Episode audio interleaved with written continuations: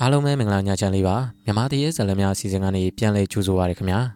ကျွန်တော်ဒီနေ့ညတော့စာရေးဆရာတာတီရဲ့တင်းချိုင်းအမှတ်6ဆိုတဲ့ဗရလောကဇာတ်လမ်းလေးကိုတင်ဆက်ပေးသွားမှာပဲဖြစ်ပါရခင်ဗျာ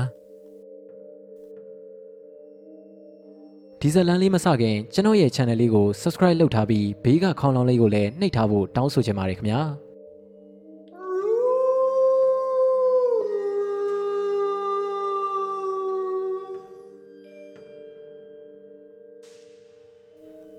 ကျုပ်အဖားနဲ့အမေကဘုံကြီးเจ้าကိုစီဦးလူရတာလှုပ်ဝါသနာပါတာဗျ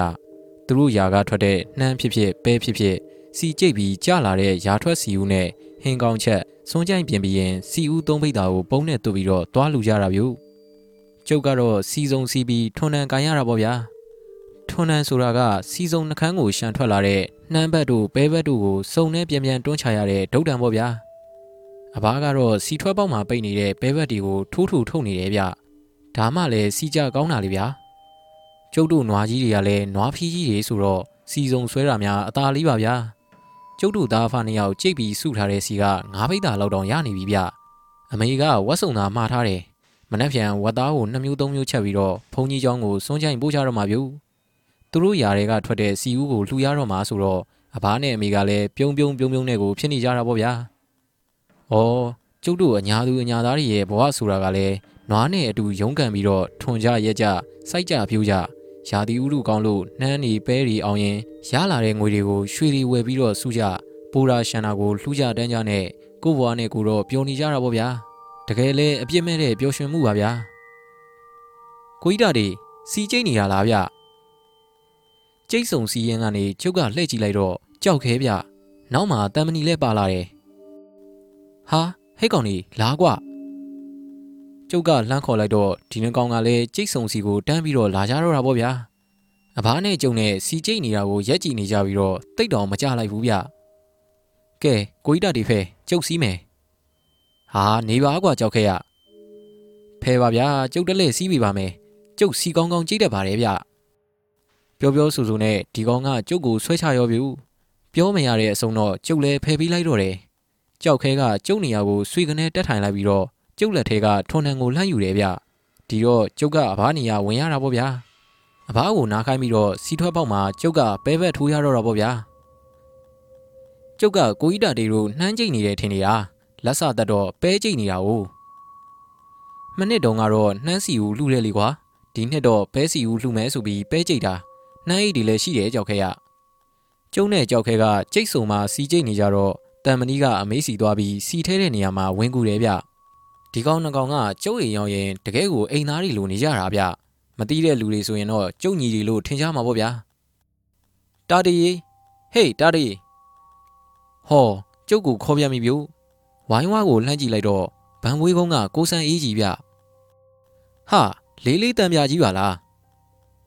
ကြောက်ခဲကလူသွက်ဆိုတော့လှုပ်ကနေပြောလိုက်တာဗျကိုကြီးဆန်အေးလာဗျကျုပ်ကဒီမှာစီကျိတ်နေတာ ဒီတော့မှပဲကိုဆန်အေးကကျုပ်ကိုမြင်သွားပြီးတော့ဝင်လာတာဗျဟာတာတီယာလဲကွာမြောက်ကိုကျိတ်ဆုံစီးခိုင်းထားရတယ်လို့ဒီမြောက်ကဘာလုပ်တတ်မှာတော့ကွာကိုဆန်အေးကကြောက်ခဲကိုမြင်မြင်ချင်းစားတော့တာဗျကြောက်ခဲကဘာမှပြန်မပြောပဲတွားလေးအဖီးသားနဲ့ရီးနေတယ်ဗျဟာဟိုမှာလဲမြောက်တကောင်ပါလားအကြီးကြီးတတိထားနော်ဒီမြောက်တွေကစီလဲတောက်ရင်တောက်မှာဗျလေးလေးဆန်အေးကျုပ်ကမြောက်မဟုတ်ဘူးဗျအလုတ်တွေအကုန်လုတ်တတ်တဲ့လူဗျ ဟေးဟုတ်လားတမနီယမင်းကဘာတွေလုတ်တဲ့လူတုံးကွာကျုပ်ကအညာသားတွေလုတ်တတ်တာဆိုရင်အကုန်လုတ်တတ်တယ်ဗျမင်းထမ်းမင်တော့မတက်တတ်ပါဘူးတမနီယရင်းထောင်ရှိရင်ကျုပ်တက်တတ်တယ်ဗျဟာမင်းကောင်တွေကတော့တကယ်ကောင်တွေပဲတာတီကျုပ်ကငကားစီဘောလေးလေးတလေးကိုမင်းညှိပြီးတော့ကိုဆန်ကြီးကိုတဲလိုက်တယ်ကိုကြီးဆန်ရေးရေဒီကောင်နှစ်ကောင်ကကျုပ်နဲ့တွဲပြီးတော့တင်းချိုင်းကုန်းနေတဲ့ရှောက်လိုက်နေတဲ့ကောင်တွေလေဗျာပေါ်သေးသေးကောင်တွေတော့မဟုတ်ဘူးဗျ မင်းထင်လို့ပါကွာဒီကောင်တွေကတရေနဲ့ပပင်းတိုးရင်ထွက်ပြေးမဲ့ကောင်တွေကွာကိုဆန်ရေးကကြောက်ခဲမခံချင်အောင်စရောဗျတရေလောက်တော့လာမပြောနဲ့လေးလေးရေဟိုတလောကကိုကြီးတတရဲ့နွားဖွေစိုးနဲ့ကဝေကြီးရဲ့တိုက်နွားနဲ့တိုက်တုံးကကျုပ်ရှိရဲ့ဗျအဲ့ဒီကဝေကြီးကိုကျုပ်ကဓာနဲ့ဝင်ပိုင်းမလို့လောက်တာကိုကြီးတတီကအင်းနဲ့ပြစ်လိုက်လို့ပေါ့ဗျာမဟုတ်ရင်တော့အဲ့ဒီကဝေကျုပ်လက်နဲ့သေးတယ်ဗျဟာဟုတ်မှလဲကြွားပါကြောက်ခဲရ ကိုကိုစံအေးကတော့ကြောက်ခဲပြောတာကိုသဘောကျပြီးရီတော့တာဗျဒါနဲ့နေပါဦးကိုကြီးဆန်ရဲ့ကိုကြီးဆန်ရဲ့ကျုပ်စီကိုလာတာကိစ္စရှိလို့လားဟာဟုတ်သားပဲလာရင်ကိစ္စကိုမေးနေတာဟိငါမင်းစီကိုလာတာစာလာပေးတာကွရော့ရော့ဒီမှာစာစာဟုတ်လားကိုကြီးဆန်ရဲ့ကျုပ်စီကိုဘယ်သူမှစာမရေးဘူးပါဘူးဗျာအာကြီးကအညိုလေးပြူကျုပ်ကကိုကြီးဆန်ရဲ့လက်ထဲကစာအိတ်လေးကိုလှမ်းပြီးတော့ယူလိုက်တယ်စာအိတ်ကအညိုလေးဗျ လက်ရေးကလည်းဝိုင်းဆက်နေတာပြူဖုန်ကြီးကြောင်းထွက်တွေရေးတဲ့လက်ရေးမျိုးဗျစာအိတ်ပေါ်မှာမောင်တာတီထနောင်းကုန်းရွာကိုပေးပြပါဆိုပြီးတော့ရေးထားတယ်စာကညားကကားနဲ့ပါလာတာတာတီကားဆရာကိုဆန်ကငါ့အဘကိုလာပေးသွားတာဘိုးလူပေကိုယ်တိုင်ကားကိတ်ကိုလာပြီးတော့ကိုဆန်ကိုပေးသွားတာတဲ့ဟာဟုတ်လားကိုဆန်ကဘိုးလူပေကိုတီးလို့လားဗျဟက်ကောင်ရဘိုးလူပေကိုငါတို့တရွာလုံးတီးတယ်လေကွာဘိုးလူပေလာတိုင်းကိုဆန်မောင်းတဲ့ကားနဲ့လာတာကြည့်ပဲလေ ကျုပ်လဲစာဟိကိုဖောက်ပြီးတော့အထဲကစာကိုချက်ချင်းပဲဖတ်တော့တယ်တို့မောင်တာတီတိစီရန်ဆရာကြီးစာရေးလိုက်ပါသည်အလွန်အရေးကြီးသောကိစ္စတစ်ခုပေါ်လာသဖြင့်ဆရာတို့ခီးထွက်ရပါမည်ထိုခီးတွင် မောင်တာတီကိုပါလိုက်ပါစီလိုပါသည်မောင်တာတီလိုက်ပါမည်ဆိုပါက၃ရက်အတွင်းမြို့ကိုအရောက်လာပါတောင်ပိုင်းကအောင်တော်မူဘုန်းကြီးကျောင်းမှာတဲပါသည်ဆရာကြီးဘိုးလူပေ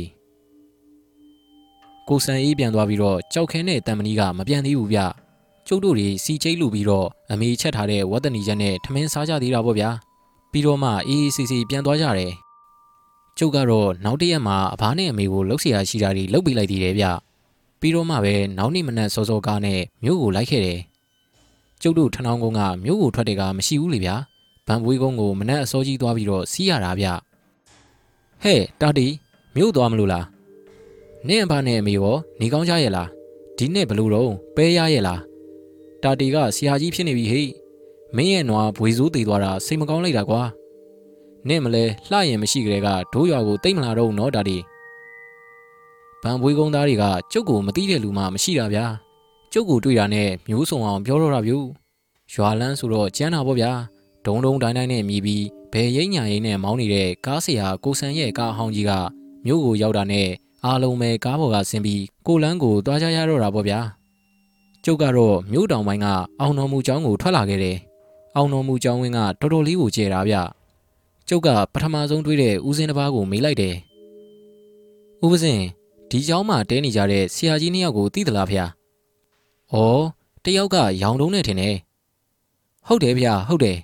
။ဒီတဲတဲ့သွားအောင်တော်မူစီရီလေးကိုတွေ့လိမ့်မယ်။အဲ့ဒီစီရီရဲ့တောင်ဘက်ကကျောင်းလေးထဲမှာတဲကြတယ်။တစ်သားကျောင်းမဟုတ်ဘူးနော်။အုတ်ကျောင်းလေးမှာ။မှန်ပါဖေ။ ဦးပစင်းလမ်းညွန်တဲ့အတိုင်းကျုပ်ကရှောက်လာတယ်။အောင်တော်မူစီရီလို့ရေးထားတဲ့မုတ်ဦးအောက်ကနေကျုပ်ကဝင်လိုက်ပြီးတော့ထုံးတင်ကန်ဖြူဖြူလေးကတ်ထားတဲ့ကိုးတောင်ပြည်စီရီကိုထိုင်ပြီးတော့ရှင်းခိုးတယ်အခုသွားမဲ့ခရီးမှာချောချောမွေ့မွေ့ရှိပါစေဆိုပြီးကျုပ်ကဆူတောင်းလိုက်သေးတယ်ဗျပြီးတော့မှပဲဇီရီရဲ့တောင်ဘက်ကဆင်းပြီးတော့အုတ်ချောင်းလေးကိုရှာလိုက်တယ်ဟောတွေ့ပြီဗျူအုတ်ချောင်းလေးကတိတ်မကြီးပေမဲ့နှစ်ထပ်ချောင်းလေးဗျကျုပ်ကအုတ်လီကအတိုင်းချောင်းပေါ်ကိုတက်လိုက်တယ်ဟောမောင်တာတီ ရောက်ပြီလားကွကျုပ်ကမောင်တာတီလာမလာနိုင်မမလားလို့တွေးနေတာကွဘယ်နေလိမ့်မလို့ဆရာကြီးရဲ့ဆရာကြီးစီကနေစာရောက်လာကြတဲ့ကကျုပ်ကချက်ချင်းပြေးလာခြင်းနေတာဗျတာဓုကွယ်တာဓုတာဓုဒါနဲ့အခုလာတာဆရာကြီးတယောက်တည်းမဟုတ်ဘူးလားကျုပ်ကဆရာကြီးဘိုးလူပေကိုမေးလိုက်တယ်ဗျဆရာတယောက်ပါသေးတယ်မောင်တာတည်းရဲ့အခုဖျားကန်းထဲမှာဗလီစိတ်နေတယ်ခဏနေရင်ထွက်လာပါလိမ့်မယ် ကျုံနဲ့ဘိုးလူပေကစကားဆက်ပြောနေကြတယ်ဘိုးလူပေကကျုံမိပါတွေကိုတာချောင်းမာချောင်းမေးတယ်ဗျဗန်ပွေးကုန်းကဘိုးဆံမောင်တို့တရင်လည်းမေးတယ်ပြီးတော့သူသိတဲ့တခြားလူတွေအကြောင်းလည်းမေးတာပေါ့ဗျာကျုပ်တို့တွေစကားပြောကောင်းနေတော့မှပဲဘိုးလူဘေနဲ့ပါလာတဲ့ဆရာကဖျားကန်းထဲကနေထွက်လာတယ်ဗျဟောမောင်တာဒီဆရာကြီးကိုဂါရဝပြုတ်လိုက်ပါဦးဘိုးလူဘေကအဲ့ဒီလိုပြောတော့ကျုပ်ကဂါရဝပြုတ်ဖို့နောက်ကိုလှည့်လိုက်တယ်ဗျဟာ ကျုပ်ကျုပ်အံ့ဟောလိုက်တာဗျာကျုပ်မျက်စိကိုတော့မယုံနိုင်အောင်ဖြစ်သွားခဲ့ရတာဗျူဆရာကြီးဆရာကြီးဆိုင်းတော်ဖကျုပ်ကိုပြုံးပြုံးကြီးကြည့်နေတဲ့ကျုပ်ဆရာကြီးဆိုင်းတော်ဖာကိုချက်ချင်းပဲကျုပ်ကကြောတာပေါ့ဗျာမောင်တာတီကနည်းနည်းလေးထွားလာတာကလွဲလို့အရင်တိုင်းပဲကွမောင်တာတီရဲ့မျက်လုံးတွေမှာရဲရဲနဲ့အယောင်တွေကိုအရင်တိုင်းပဲတွေ့နေရတယ်ကွကျုပ်ကလည်းကျုပ်သိကျင်တဲ့အကြောင်းကိုမေးလိုက်တယ်ဗျ ဆရာကြီးဒေါက်တာဦးမင်းအောင်နဲ့ရောတွေးပြသေးလားဆရာဆရာကြီးဒေါက်တာမင်းအောင်ကနိုင်ငံခြားကိုအပြီးထွက်သွားတာကွနိုင်ငံခြားတိုင်းပြည်တွေမှာပဲကဝီရီကိုလိုက်ပြီးတော့နှိမ်နှင်းနေတာကွကျုပ်မျက်လုံးတွေဝေသွားတယ်ဗျာဆရာကြီးဦးမင်းအောင်ကိုကျုပ်တော်တော်ကိုသတိရသွားတယ်ကျုပ်စိတ်တွေကိုအမြဲတည်နေတဲ့ဆရာကြီးဆိုင်းတော်ဖာကကျုပ်ကိုမေးတယ်ဗျမောင်တာတွေကဆရာကြီးဒေါက်တာမင်းအောင်ကိုသတိရနေရ哦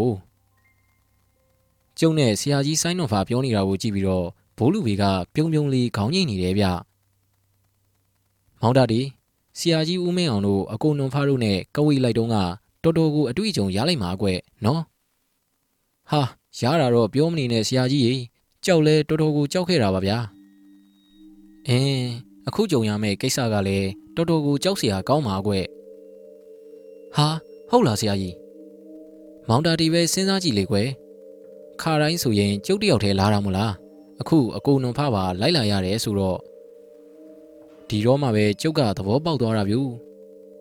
ဒါဆိုရင်ကိစ္စကတော်တော်ကိုအရေးကြီးတဲ့ပုံပဲဆရာကြီးရဲ့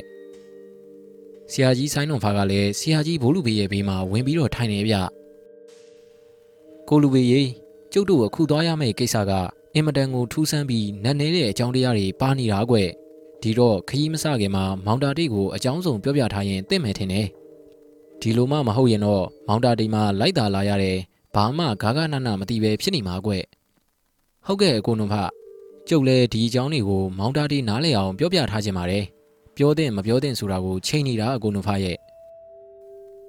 ဟာပြောတဲ့နဲ့ကိုလူပေရဲ့ပြောတဲ့နဲ့ဟုတ်ကဲ့ပါဒါဆိုရင်ဒီအကြောင်းတွေကိုအစားကနေအဆုံးထိမောင်တာတီကြိုသိရအောင်ကြုတ်ပြောပြလိုက်ပါမယ်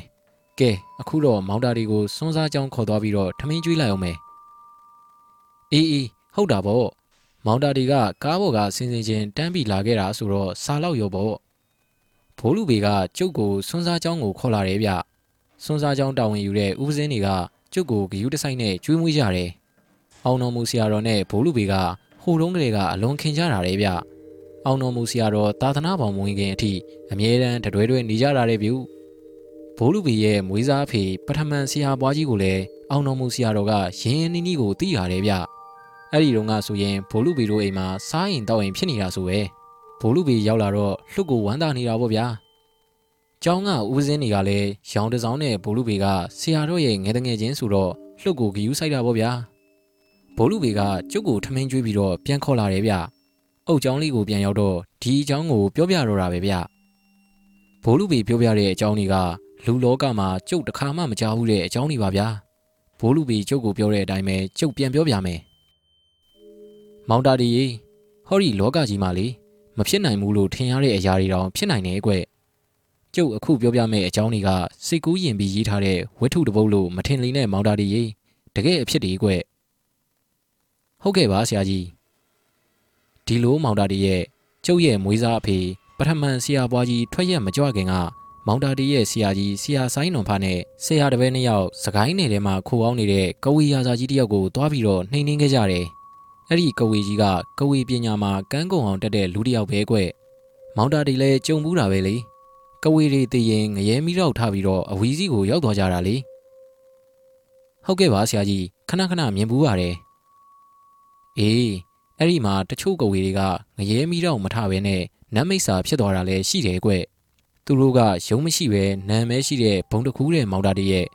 အဲ့ဒီနတ်မိတ်စာတွေကရုပ်ကိုတိတ်လူချင်ကြတာတဲ့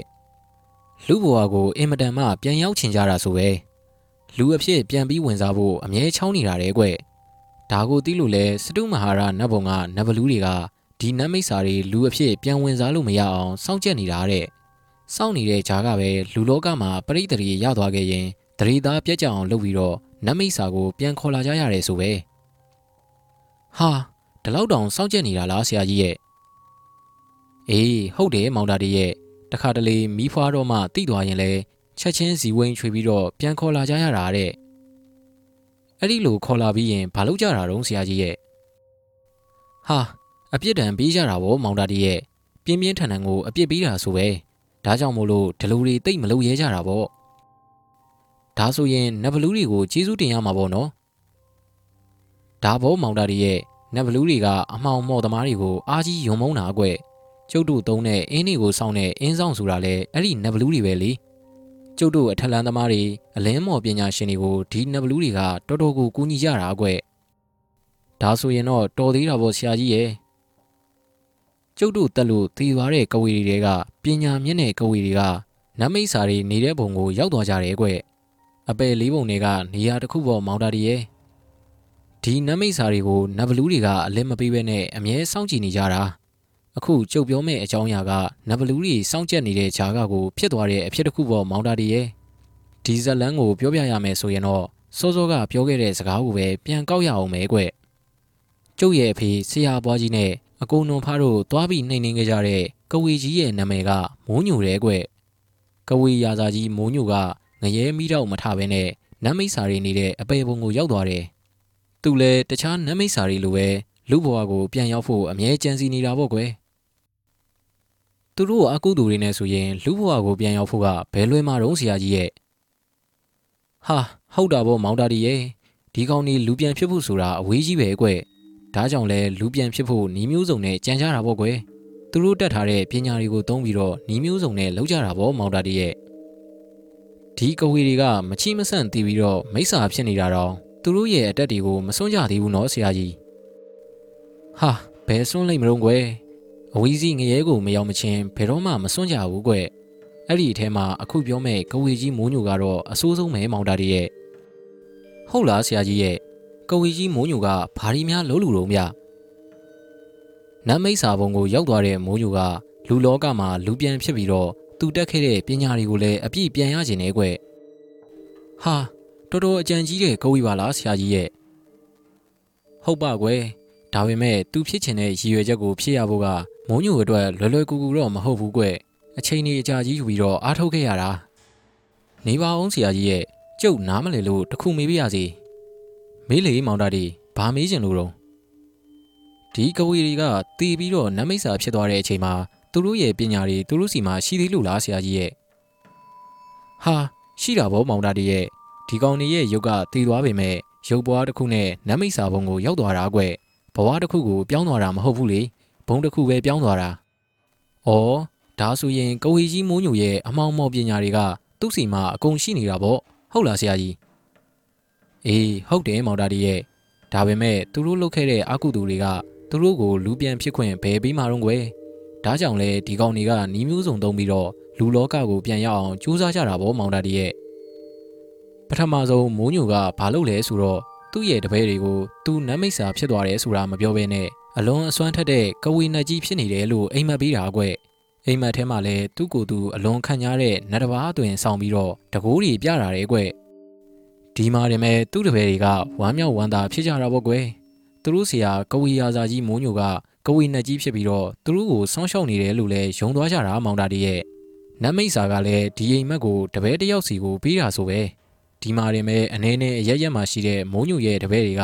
စကိုင်းဘက်ကမိုးညိုသိခဲ့တဲ့ရွာမှာစုဝေးပြီးတော့အစည်းအဝေးလုပ်ကြတယ်တဲ့ကွအဲ့ဒီမှာပဲကဝေနှစ်ကြီးဖြစ်သွားတဲ့သူတို့ရဲ့ဆရာကြီးကိုပူဇော်ပသကြတင်ကြမြောက်ကြပင်းကြတာပေါ့ကွယ်ဒီမှာတင်မဲ့နမိတ်စာမိုးညိုကသူ့တပည့်ကျော်ဟန်ဆိုတဲ့ကဝေတယောက်ကိုဝင်ပူးပြီးတော့ဒီအစီအစဉ်ကိုချတော့တာတဲ့ဟိသူ့တပည့်တွေကလည်းသူတို့ဆရာကြီးကိုတကယ်ပဲနှက်ကြီးဖြစ်နေတယ်ထင်ပြီးတော့သူတို့ဆရာကြီးခိုင်းတဲ့အတိုင်းလောက်ကြဖို့သဘောတူကြတယ်ဆိုပဲ နမိတ်စာကြီးမိုးညိုကသူ့တပည့်တွေကိုဘာခိုင်းနေဆိုတာကျုပ်ကသိကျင်သွားတာဗျဒါပေမဲ့ဘိုလ်လူပေကိုဖျက်ပြီးတော့မမေးရဘူးလေဗျာဒီတော့ဘိုလ်လူပေပြောပြတာကိုပဲကျုပ်ကနားထောင်ရတော့တာပေါ့ဗျာဒီလိုမောင်တာတည်းရဲ့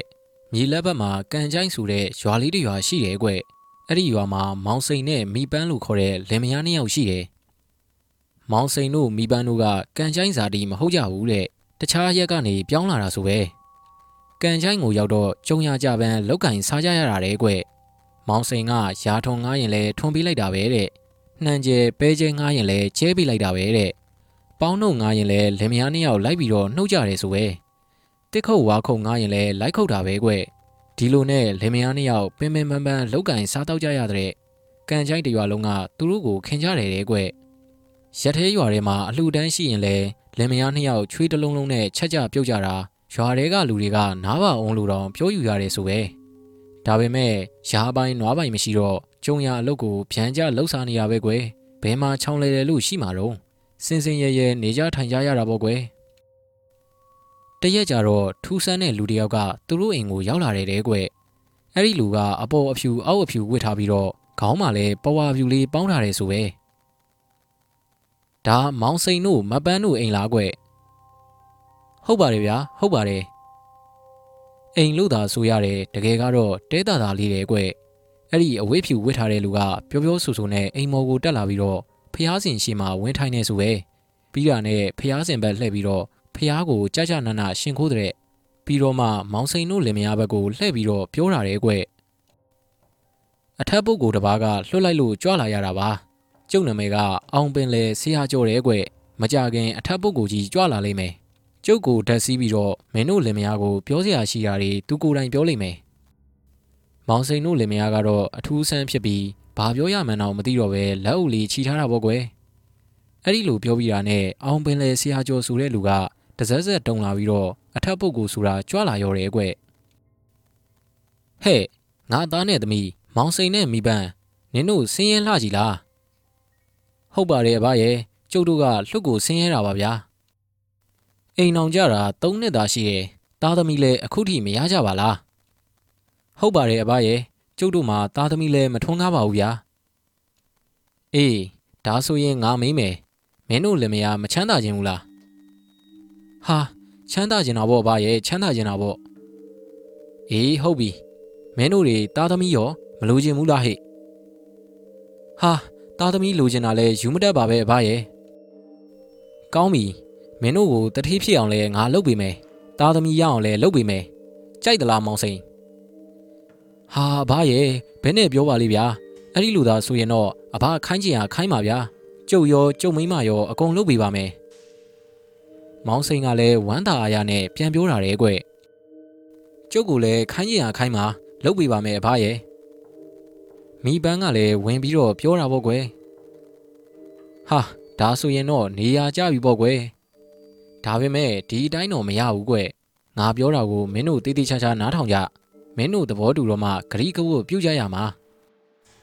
ဟုတ်ကဲ့အမင်းရှိပါဗျအေးမင်းတို့မှာတားလေးမွေးလာလိမ့်မယ်ပြီးတော့မင်းတို့လင်မယားလည်းတထေးလင်မယားဖြစ်လာလိမ့်မယ်မင်းတို့သားကိုမင်းတို့နှစ်ယောက်နာမည်ပေါင်းပြီးတော့မောင်စိန်ပန်းလို့နာမည်မှဲ့ခေါ်ရမယ်မောင်စိန်ပန်းအရွယ်ရောက်တဲ့အခါငါပေးစားခိုင်းတဲ့မိန်းကလေးနဲ့မင်းတို့ပေးစားရမယ်ဘဲနဲ့တော့ကွ ဟာအဘရဲ့အဘကတင့်တော်လို့စီစဉ်တာကိုကျုပ်တို့မငင်းပါဘူးဗျာအေးကောင်းပြီမင်းတို့ရဲ့တားနဲ့ချွေးမမှာတားဦးလေးမွေးလိမ့်မယ်ဟာဒါဆိုကျုပ်တို့မြည်လေးပေါ့နော်အဘမောင်စိန်ကဝမ်းသာအားရနဲ့မေးလိုက်တာတဲ့ကွအေးဟုတ်တယ်အဲ့ဒါကိုပဲမင်းတို့တွေဂရီးကဝတ်ပြူးကြရမှာကွ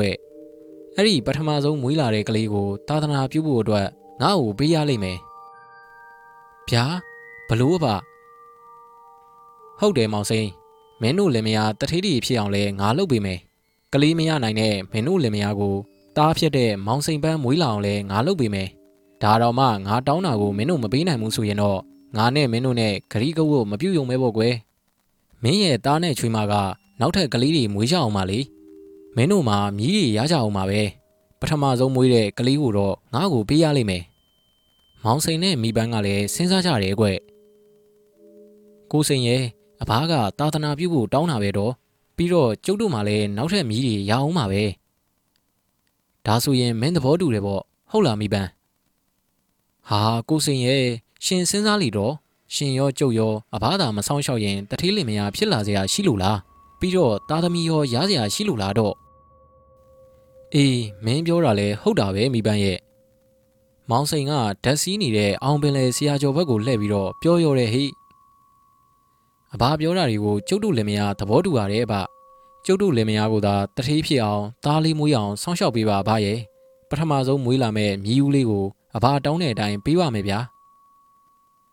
ဟာဒါဆိုရင်တော့နေရာကြပဲဟိကဲတောက်ရီတစ်ခွက်ခတ်ဆန်းဟိမောင်စိန်ကကြပြားကြရာနဲ့တောက်ရီဦးတွေကရေတစ်ခွက်ခတ်ပြီးတယ်ကဲလိုက်ဆိုကြပြီးတော့ကျွန်တော်မောင်စိန်နဲ့ကျမမပန်းတို့သည် ကျေးဇူးရှင်အဘနှင့်ဂရီးကဝတ်ပြုကြပါသည်ကျွန်တော်ကျမတို့၏တားမောင်စိန်ပန်းမှမွေးလာသောတားအုပ်ကလေးကိုကျေးဇူးရှင်အဘအားကြေကြေနက်နက်ပေးကြပါမည်ယခုပေးထားသောဂရီးကဝတ်ကိုတီးပါကတိုးလို့ချမ်းသာကြွယ်ဝပြီးဂရီးကဝတ်ကို ပြက်ကွက်ပါကမိသားစုအားလုံးအသေးစိုးနဲ့တေးကြရပါစေမောင်စိန်နဲ့မိပန်းကလိုက်ဆိုလိုလဲပြီးရောကဲဟောဒီတစ္ဆာရီကိုတယောက်တစ်ဝက်တောက်ကြပြီတော့ ဂရီးပြက်ရင်တော့တစ္ဆာဆူထားတဲ့အတိုင်းပေါ့ကွယ်မောင်စိန်တို့လင်မယားကလည်းတစ္ဆာရီကိုတယောက်တစ်ဝက်တောက်လိုက်ကြရော်တယ်ကွယ်သူတို့တစ္ဆာရီကိုတောက်ပြီးတာနဲ့ဓာတ်စီးနေတဲ့ပုံကူကထွက်သွားရောတဲ့မောင်တာဒီဒီတော့မှပဲအောင်ပင်လဲဆရာကျော်ကမေးတာဆိုပဲဘလို့လဲကွာပုံကူကြွလာလားဟာကြွလာတယ်ဆရာကြွလာပါတယ်မင်းတို့နဲ့ဘာတွေပြောကြတော့ကွ ကြွလာတဲ့အဘကကျုပ်တို့လင်မယားကိုတတိဖြစ်အောင်လုပ်ပေးมาတဲ့ပြီးတော့တားမွေးအောင်လဲစောင့်ရှောက်ပေးမယ်တဲ့ဗျကျုပ်တို့သားကိုအခုကလေးကနမဲတောင်မှက်ပြီးသွားတယ်ဆရာကြီးကျုပ်တို့သားအရွယ်ရောက်ရင်သူပေးစားတဲ့မိန်းကလေးနဲ့အိမ်အောင်ချရမှာတဲ့ဗျပြီးတော့မွေးလာတဲ့သားဦးလေးကိုအဘကအလှခံနေသူ့ကိုပေးရမယ်တဲ့ဒီတော့မင်းတို့ကသဘောတူလိုက်လားဟာတူလိုက်တာပေါ့ဆရာရဲ့တူယုံနေမကဘူးတစ္ဆာကြီးတော်မှကျုပ်တို့တောက်လိုက်ကြတယ် ကျုပ်ကတဝက်မိပန်းကတဝက်တောက်ကြတာဗျဒီတော့မှပဲအောင်ပင်လဲဆရာကျော်ကပြုံးလိုက်ပြီးတော့ပြောတယ်တဲ့အေးမင်းတို့ပေးသွားတဲ့ဂရီအတိုင်းအထက်ပုဂ္ဂိုလ်ကြီးကလုတ်ပြီးမှသိကြတယ်မောင်စင်ရဲ့မင်းတို့ကလည်းမင်းတို့တစ္ဆာကြီးတောက်ပြီးတော့ပေးလိုက်တဲ့ဂရီကိုတီးဖို့တော့လိုမယ်မင်းတို့ဂရီမတီးရင်တော့မင်းတို့စူထားတဲ့တစ္ဆာအတိုင်းဖြစ်မှသိကြတယ်ကွဟာဒီအတွက်တော့စိတ်ချပါဆရာရဲ့ကျုပ်တို့ကဂရီတစ်ခုပေးပြီးရင်ဘယ်တော့မှမဖြတ်ပါဘူးဗျာ အေးအေးဒါဆိုရင်တော့အကောင်းဆုံးပေါ့ကွယ်ကျုပ်လာတဲ့တာဝန်လဲအောင်မြင်ပြီဆိုတော့ကျုပ်သွားတော့မယ်မောင်စိန်ကြီးမောင်စိန်နဲ့မိပန်းကအောင်ပင်လဲဆရာကျော်ကိုလက်ဦးလေးကြီးချီပြီးတော့ကြောကြတယ်တဲ့ကွအဲ့ဒါပြီးတော့နောက်တနေ့မှာပဲဇက်လန်းကစရောတဲ့မောင်တာတီကြီးဟင်ဘာဖြစ်လို့တော့ဆရာကြီးရဲ့ကျုပ်လဲဘိုးလူဘီရဲ့စကားကိုဖြတ်ပြီးတော့မေးလိုက်မိတယ်ဗျနောက်တနေ့မနက်မှာပဲမောင်စိန်တို့လင်မယားအိယာကထတော့ မောင်စိန်ရဲ့ခေါင်းအောင်မှာရွှေရင်းကားငါးပြားတွေ့တယ်တဲ့လင်မယားနှစ်ယောက်ဆိုတာဝမ်းသာလုံးလုံးအသားရီတောင်တုံနေကြတယ်ဆိုပဲဒီအကြောင်းကိုမောင်စိန်တို့လင်မယားကဘသူ့မှမပြောဘဲနဲ့ငြိမ်နေကြတာပေါ့ကွယ်တရက်ကျော်တစ်ခါနှစ်ရက်ကျော်တစ်ခါဆိုသလိုရွှေရင်းကားတွေမှန်မှန်ရနေတာကွယ်အဲ့ဒီရွှေရင်းကားတွေကိုထုခွဲရောင်းချပြီးတော့ယားတွေဝယ်ကြတယ်ဆိုပဲနွားတရှင်လဲဝယ်ပြီးကိုပိုင်ယာနဲ့နွားပိုင်နဲ့ဖြစ်လာတာပေါ့ကွယ်သူတို့ယာကလည်းနှမ်းနေပဲတွေထွက်လိုက်တာမှမြင်လို့မကောင်းအောင်ထွက်တာဆိုပဲ လင်မယားနှစ်ယောက်ဝိုင်းကြဲကြဲဝယ်ပြီးတော့ကျွန်းအိမ်ကြီးစောက်ကြတယ်အဲ့ဒီအိမ်ကြီးစောက်တဲ့နှစ်မှာပဲမိပန်းမှာကိုဝင်ရပြီးတော့သားလေးမွေးတယ်ဆိုပဲသူတို့သားကိုမောင်စိန်ပန်းလို့နာမည်မှဲ့တာပေါ့ကွယ်မောင်စိန်ပန်းလေးကလည်းတစ်နှစ်ပြီးတစ်နှစ်ကြီးလာမောင်စိန်နဲ့မိပန်းကလည်းစီးပွားရေးတွေတက်တက်တက်လာကြတယ်တဲ့ယားရီဆိုရင်လည်းထက်ထက်ပြီးတော့ဝယ်ထားကြတာတော်တော်ကိုများနေပြီတဲ့ကွယ်ကန်ချိုင်းကလူချမ်းသာစီရင်ကိုတော့မောင်စိန်တို့ကဝင်သွားတာတဲ့မောင်တာတီဟာ ဒါဆိုရင်သူတို့နဲ့ခရီးကိုကိုပြုတ်ထားတဲ့ပုံကသူတို့ကိုတကယ်စောင့်ရှောက်တာဗောဆရာကြီးရဲ့ဒါဘောကွယ်စောင့်ရှောက်လို့ဒလို့ဖြစ်လာကြတာဗောအေးအဲ့ဒီပုံကကန်ကြိုင်မှာမောင်စိန်တို့လင်မယားကိုစောင့်ရှောက်ပေးနေတဲ့အချိန်မှာပဲကန်ကြိုင်နာကမြို့လေးမှာတခြားလင်မယားနှစ်ယောက်ကိုလည်းတပြိုင်တည်းစောင့်ရှောက်ပေးနေတာကွယ်မြို့လေးရဲ့နာမည်ကိုတော့ကြုံမပြောလို့ဘူးကွယ်ဘာဖြစ်လို့လဲဆိုတော့ဒီလူတွေကတက်ရှိထင်ရှားရှိနေကြတာလေကွယ်ဟုတ်တာဗောဆရာကြီးရဲ့အေး အဲ့ဒီမျိုးလေးရဲ့မျိုးစုံရက်ွက်လေးမှာလင်ကစိုက်ကားနှင်းပြီးတော့မယားကပဲပြုတ်ရောင်းရတဲ့ကိုလှနဲ့မလေးဆိုတဲ့လင်မယားနှစ်ယောက်ရှိရဲ့ကွအိမ်အောင်ကြတာ9နှစ်ပဲရှိပေမဲ့သားသမီးလည်းမမွေးပင်ပင်ပန်းပန်းဆင်းဆင်းရဲရဲလဲလောက်ကင်စားကြရတယ်တနေ့ကျတော့သူတို့ငားနေတဲ့အိမ်လေးကိုဝစ်ဖြူစင်ကျဲဝစ်ထားတဲ့ဆရာတယောက်ရောက်လာတဲ့ဆိုပဲဒီအိမ်ကကိုလှတို့မလေးတို့အိမ်လားကွအိမ်ထဲကနေကိုလှတို့လင်မယားကပြပြသလဲပြန်ဖြေကြတယ် ဟုတ်ပါတယ်ခင်ဗျာဟုတ်ပါတယ်ကျွန်တော်ကိုလာပါအဲ့ဒီဆရာကအိမ်မော်ကိုတန်းတက်လာပြီးတော့ဖះစဉ်ရှင်မှာဝင်းထိုင်နေတယ်ကွဆရာကြီးဘဲကကြွလာတာတော့ခင်ဗျာဘာများလိုအပ်လို့ပါတော့ကိုလာကအဲဝစ်ဖြူပြီးတော့မေးတယ်ကျုပ်ကရှမ်းပြည်ကကြွလာတာပါကျုပ်နာမည်ကရေပြအိုင်ဆရာမြရတယ်ဗျကျုပ်အခုလာတာကအထက်ပုဂ္ဂိုလ်ကြီးတစ်ပါးလွှတ်လိုက်လို့လာရတာပါမင်းတို့လည်းမယားလက်အုပ်ချီထားကြ အထက်ပုဂ္ဂိုလ်ကြီးကိုယ်တိုင်ကြွလာပြီးတော့မင်းတို့ကိုစကားပြောလိမ့်မယ်ကိုလာတို့လည်းမရလဲတန်တော်နဲ့လက်အုပ်လေးတွေခြိထားကြတာပေါ့ကွယ်အဲ့ဒီအချိန်မှာပဲရေပြအိုင်ဆရာမြတကူလုံးတုံတုံရီရီဖြစ်လာပြီးတော့ပုဂ္ဂိုလ်ဓာတ်စီရောတဲ့ကွယ်ငါသားနဲ့သမီးမောင်လှနဲ့မက်လီလာကွယ်ဟုတ်ပါတယ်ဗျမောင်လှနဲ့မက်လီပါအေးမမင်းတို့လင်မယားကတော်တော်ကိုပင်ပန်းဆင်းရဲတာပါလားဟုတ်ပါတယ်ဗျာရဲ့ ကျွန်တော်စိုက်ကားကိုလည်းစီးမဲ့သူတိတ်မရှိဘူးဗျာရဲ့မက်လေးပဲပြုတ်ကလည်းတစ်မျိုးလုံးပတ်ရောင်တာတောင်တိတ်မရောင်းရဘူးဗျာရဲ့ကောင်းပြီငါအခုကြွလာတာမင်းတို့အတွက်ပဲမင်းတို့လင်မယားကိုတတိလင်မယားဖြစ်အောင်လုပ်ပေးမလို့ကွဟာဝမ်းသာလိုက်တာဗျာရဲ့ကိုလှကရောမလေးကပါပြောကြတာပေါ့ကွယ်ပြီးတော့သားသမီးမရှိတဲ့မင်းတို့လင်မယားမှာအင်မတန်ချစ်စရာကောင်းတဲ့သမီးလေးမွေးလာအောင်အဘဆောင်းလျှောက်ပေးမယ်ဟာအဘရဲ့ ကျွန်တော်ရောမလေးရောကသမီးလေးတယောက်တိတ်လူချင်နေတာအဘရဲ့ဝမ်းသာလိုက်တာဗျာကျွန်တော်တို့လင်မယားကိုအဘခိုင်းချင်တာခိုင်းပါဗျာအဘခိုင်းတာဆိုရင်ဘာပဲဖြစ်ဖြစ်လုပ်ပေးဖို့အစင်းသင့်ပါပဲအေးဒါဆိုရင်တော့နေရာကျပြီပေါ့ကွယ်ဒီလိုကွယ်မောင်လာရဲ့မင်းတို့သမီးလေးအရွယ်ရောက်လာတဲ့အခါကျရင်ငါစီမံနဲ့ယောက်ျားလေးနဲ့အိမ်အောင်ချထားပေးရမယ်ဘဲနဲ့တော့ကွယ်ဟာအဘရဲ့ကျွန်တော်တို့အပေါ်မှာဒီလောက်စောင့်ရှောက်တဲ့အဘစီမံတာကို ကျွန်တော်တို့ကသဘောမတူစရာမရှိပါဘူးဗျာကဲဒါဆိုရင်တော့နေရာကျပြီပေါ့ကွယ်ဒါနဲ့တခုတော့ပြောရအောင်မယ်ကွယ်မင်းတို့မွေးလာမဲ့သမီးလေးကိုအခုကတည်းကငါနာမည်ပေးခဲ့မယ်ဒီနာမည်ကိုပဲမှဲ့ကြရမယ်တခြားနာမည်မမှဲ့ရဘူးဟုတ်ကဲ့ပါအဘပေးပါအဘအဘပေးတဲ့နာမည်ကိုကျွန်တော်တို့မှဲ့ပါမယ်အေးအေးမင်းတို့အဖေမေနှစ်ယောက်စလုံးရဲ့နာမည်ပါအောင်လို့လှလေးစိန်လို့မှဲ့ရမယ်ကွဟာကောင်းလိုက်တဲ့နာမည်လေးအဘရဲ့ ကျွန်တော်တော့အခုကလေးကတော့တမီလေးကိုချစ်နေမိပါပြီဗျာအေးမင်းတို့နဲ့ဂရီကိုကိုပြုဖို့တခုကြံသေးတယ်ကွဗျာဘာများတော့မပါရဲ့အမိန်ရှိပါဗျာမင်းတို့သမီးလေးလှလေးစိန်ကအရွယ်ရောက်လို့ငါနေရာချပြီးတဲ့သူနဲ့အိမ်အောင်ပြုတ်ပြီးသွားရင်မင်းတို့မြည်ဦးလေးရလိမ့်မယ်အဲ့ဒီမြည်ဦးလေးကိုသာသနာပြုဖို့အတွက်ငါ့ကိုပေးရလိမ့်မယ်ဗျာဘလို့အပါရဲ့အေးတဲ့တဲ့ပြောမယ်ကွယ် မင်းသမီးနဲ့တမတ်ရတဲ့ပထမဆုံးကလေးကိုငါခေါ်သွားမယ်အဲ့ဒါကိုမင်းတို့အခုကလေးကသဘောတူရမယ်ဒါမှမင်းတို့ကိုတထေးလင်မယားဖြစ်အောင်လုပ်ပြီးမာဒီကလေးရအောင်လုပ်ပြီးမာဒီကိုငါဘက်ကလုပ်ပြီးမာမင်းတို့စဉ်းစားကြည့်လေမင်းတို့သမီးနဲ့တမတ်ကနောက်ထပ်ကလေးတွေမွေးအောင်မှာပဲမင်းတို့မှာမြည်တွေရကြအောင်မှာပဲလေပထမဆုံးကလေးကိုတော့ငါ့ကိုပေးရလိမ့်မယ်ကိုလှနဲ့မလေးကခဏတော့တွေးဝေသွားတယ်ခဏနေတော့ကိုလှကပြောတယ် မလေးရဲ့ငါတို့မှာနောက်ထပ်မြည်တွေရအောင်မှာပဲကွာအဘတောင်းတဲ့အတိုင်းမြည်ဦးလေးကိုပေးလိုက်ပါ ပြီးတော့အဘကသာသနာပြုဖို့တောင်းတာပဲအေးပါတော့ဒါဆိုရင်လေကျမလည်းသဘောတူပါတယ်ဟာဒါဆိုရင်တော့နေရာကြပြီဟိကဲမောင်လှတောက်ရီတစ်ခွက်ခက်ခဲ့ကွယ်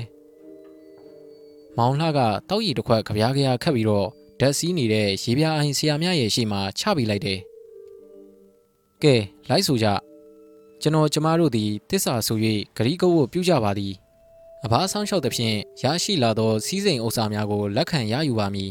။တမီလေးလှလေးစိမ်ကိုလည်းရယူပါမည်။တမီကလေးအိမ်အောင်ကြ၍မွေးဖွားလာသောတာဟုကလေးကိုကျေးဇူးရှင်အဘအားပေးပါမည်ဟုဂရီးပြုပါသည်။ဤတစ္ဆာမပြတ်ပါကစားထက်တဘူတိုးပြီးတော့ချမ်းသာပါစေ။အကယ်၍ဤတစ္ဆာကိုပြက်ကွက်ခဲ့ပါကဆွေစဉ်မျိုးဆက်ဘေးဆိုးရန်ဆိုးကျမဆိုးနဲ့ရင်ဆိုင်ကြရ၍ အသေးဆိုးများဖြင့်တည်ကြပါစေ။ကဲဒီရီကိုမင်းတို့လင်မယားတယောက်တစ်ဝက်တောက်လိုက်ကြတော့ကိုလှနဲ့မလေးကတစ္ဆာရီကိုတယောက်တစ်ဝက်တောက်လိုက်ကြတယ်တဲ့ကွသူတို့နှစ်ယောက်တစ္ဆာရီတောက်ပြီးတာနဲ့ဓာတ်စီးတဲ့ပုံကူကလည်းပြန်ကြွသွားရောတဲ့ဟိဒီတော့မှပဲရေပြားအိုင်ဆရာများကသတိပြန်ရလာပြီးတော့ကဲ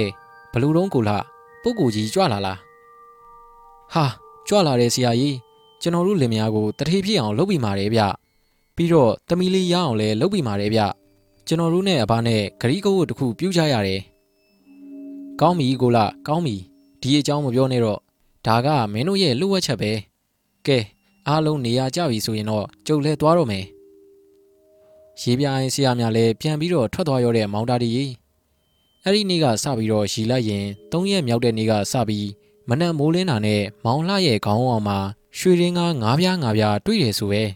မောင်လှနဲ့မလေးကလည်းအဲ့ဒီကိစ္စကိုဘသူစီမှမပေါက်ကြအောင်လှုပ်ဝက်ထားပြီးတော့ရလာတဲ့ရွှေရင်းကားပြားတွေကိုမြို့ကြီးတစ်မြို့မှာတွားသွားပြီးတော့ရောင်းနေတယ်ကွရလာတဲ့ငွေနဲ့ကုံကြောက်ဆိုင်စပြီးတော့တဲတာဆိုပဲဆိုင်စတဲကလေးကရောင်းလိုက်ရတာထမင်းအောင်စားချိန်မရှိလို့ကတုတ်ကရက်စားရတယ်ဆိုပဲမောင်တာတည်းရဲ့ပထမဆုံးစဖွင့်တဲ့ဆိုင်လေးကနေဆိုင်ကြီးဖြစ်လာတယ်၃နှစ်လောက်ကြာတော့မြို့လေကဈေးဘေးမှာတိုက်တလုံးဝယ်ပြီး အိမ်ဆိုင်ကြီးဖွင့်နိုင်သွားတဲ့ဒီအချိန်မှာကိုလာနဲ့မလေးကုံစုံဆိုင်ဆိုတာတော်ရောမြို့ပါကြိတ်ကြိတ်တို့ဝယ်ကြရတဲ့ဆိုင်ကြီးတစ်ဆိုင်ဖြစ်သွားတာပေါ့ကွယ်အနီးနားကရွာတွေတွေမကဘူးမောင်တာတွေရဲ့ဝေးလံတဲ့ရွာတွေကပါသူတို့ဆိုင်မှာဖောက်တယ်ယူကြတော့ဆိုင်မှာအလုသမားတွေ10ယောက်လောက်ရှိတာဆိုပဲအဲ့ဒီအချိန်မှာပဲမလေးမှာကိုဝင်ရှိပြီးတော့သမီးလေးမွေးတယ်တဲ့သူတို့သမီးလေးကိုလှလေးစိန်လို့နာမည်ပေးတာပေါ့ကွယ်လူဘွာဆိုတာဘာကြတာမှတ်လို့ကွယ် ကန်ချိုင်းကမောင်စိန်တို့မိပန်းတို့ရဲ့သားလေးမောင်စိန်ပန်းရောမောင်လှနဲ့မလေးရဲ့သမီးလေးလှလေးစိန်ရောအရွယ်ရောက်လာကြတာပေါ့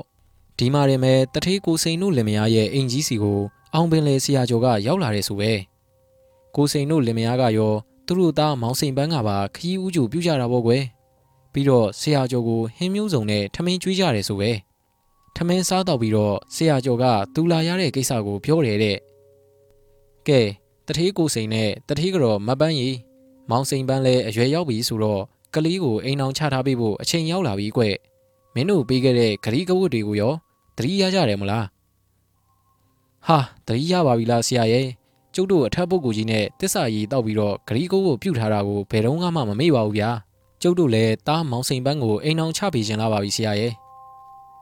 အေးဒါဆိုရင်တော့မင်းတို့ဘက်ကတင့်တော်ရာလူကြီးလေး၅ယောက်နဲ့ဟော်ရီမြို့ကိုသွားရမယ်ကွ အဲ့ဒီမြို့မှာတထေးကိုလှနဲ့မလေးဆိုတဲ့သူတွေရှိတယ်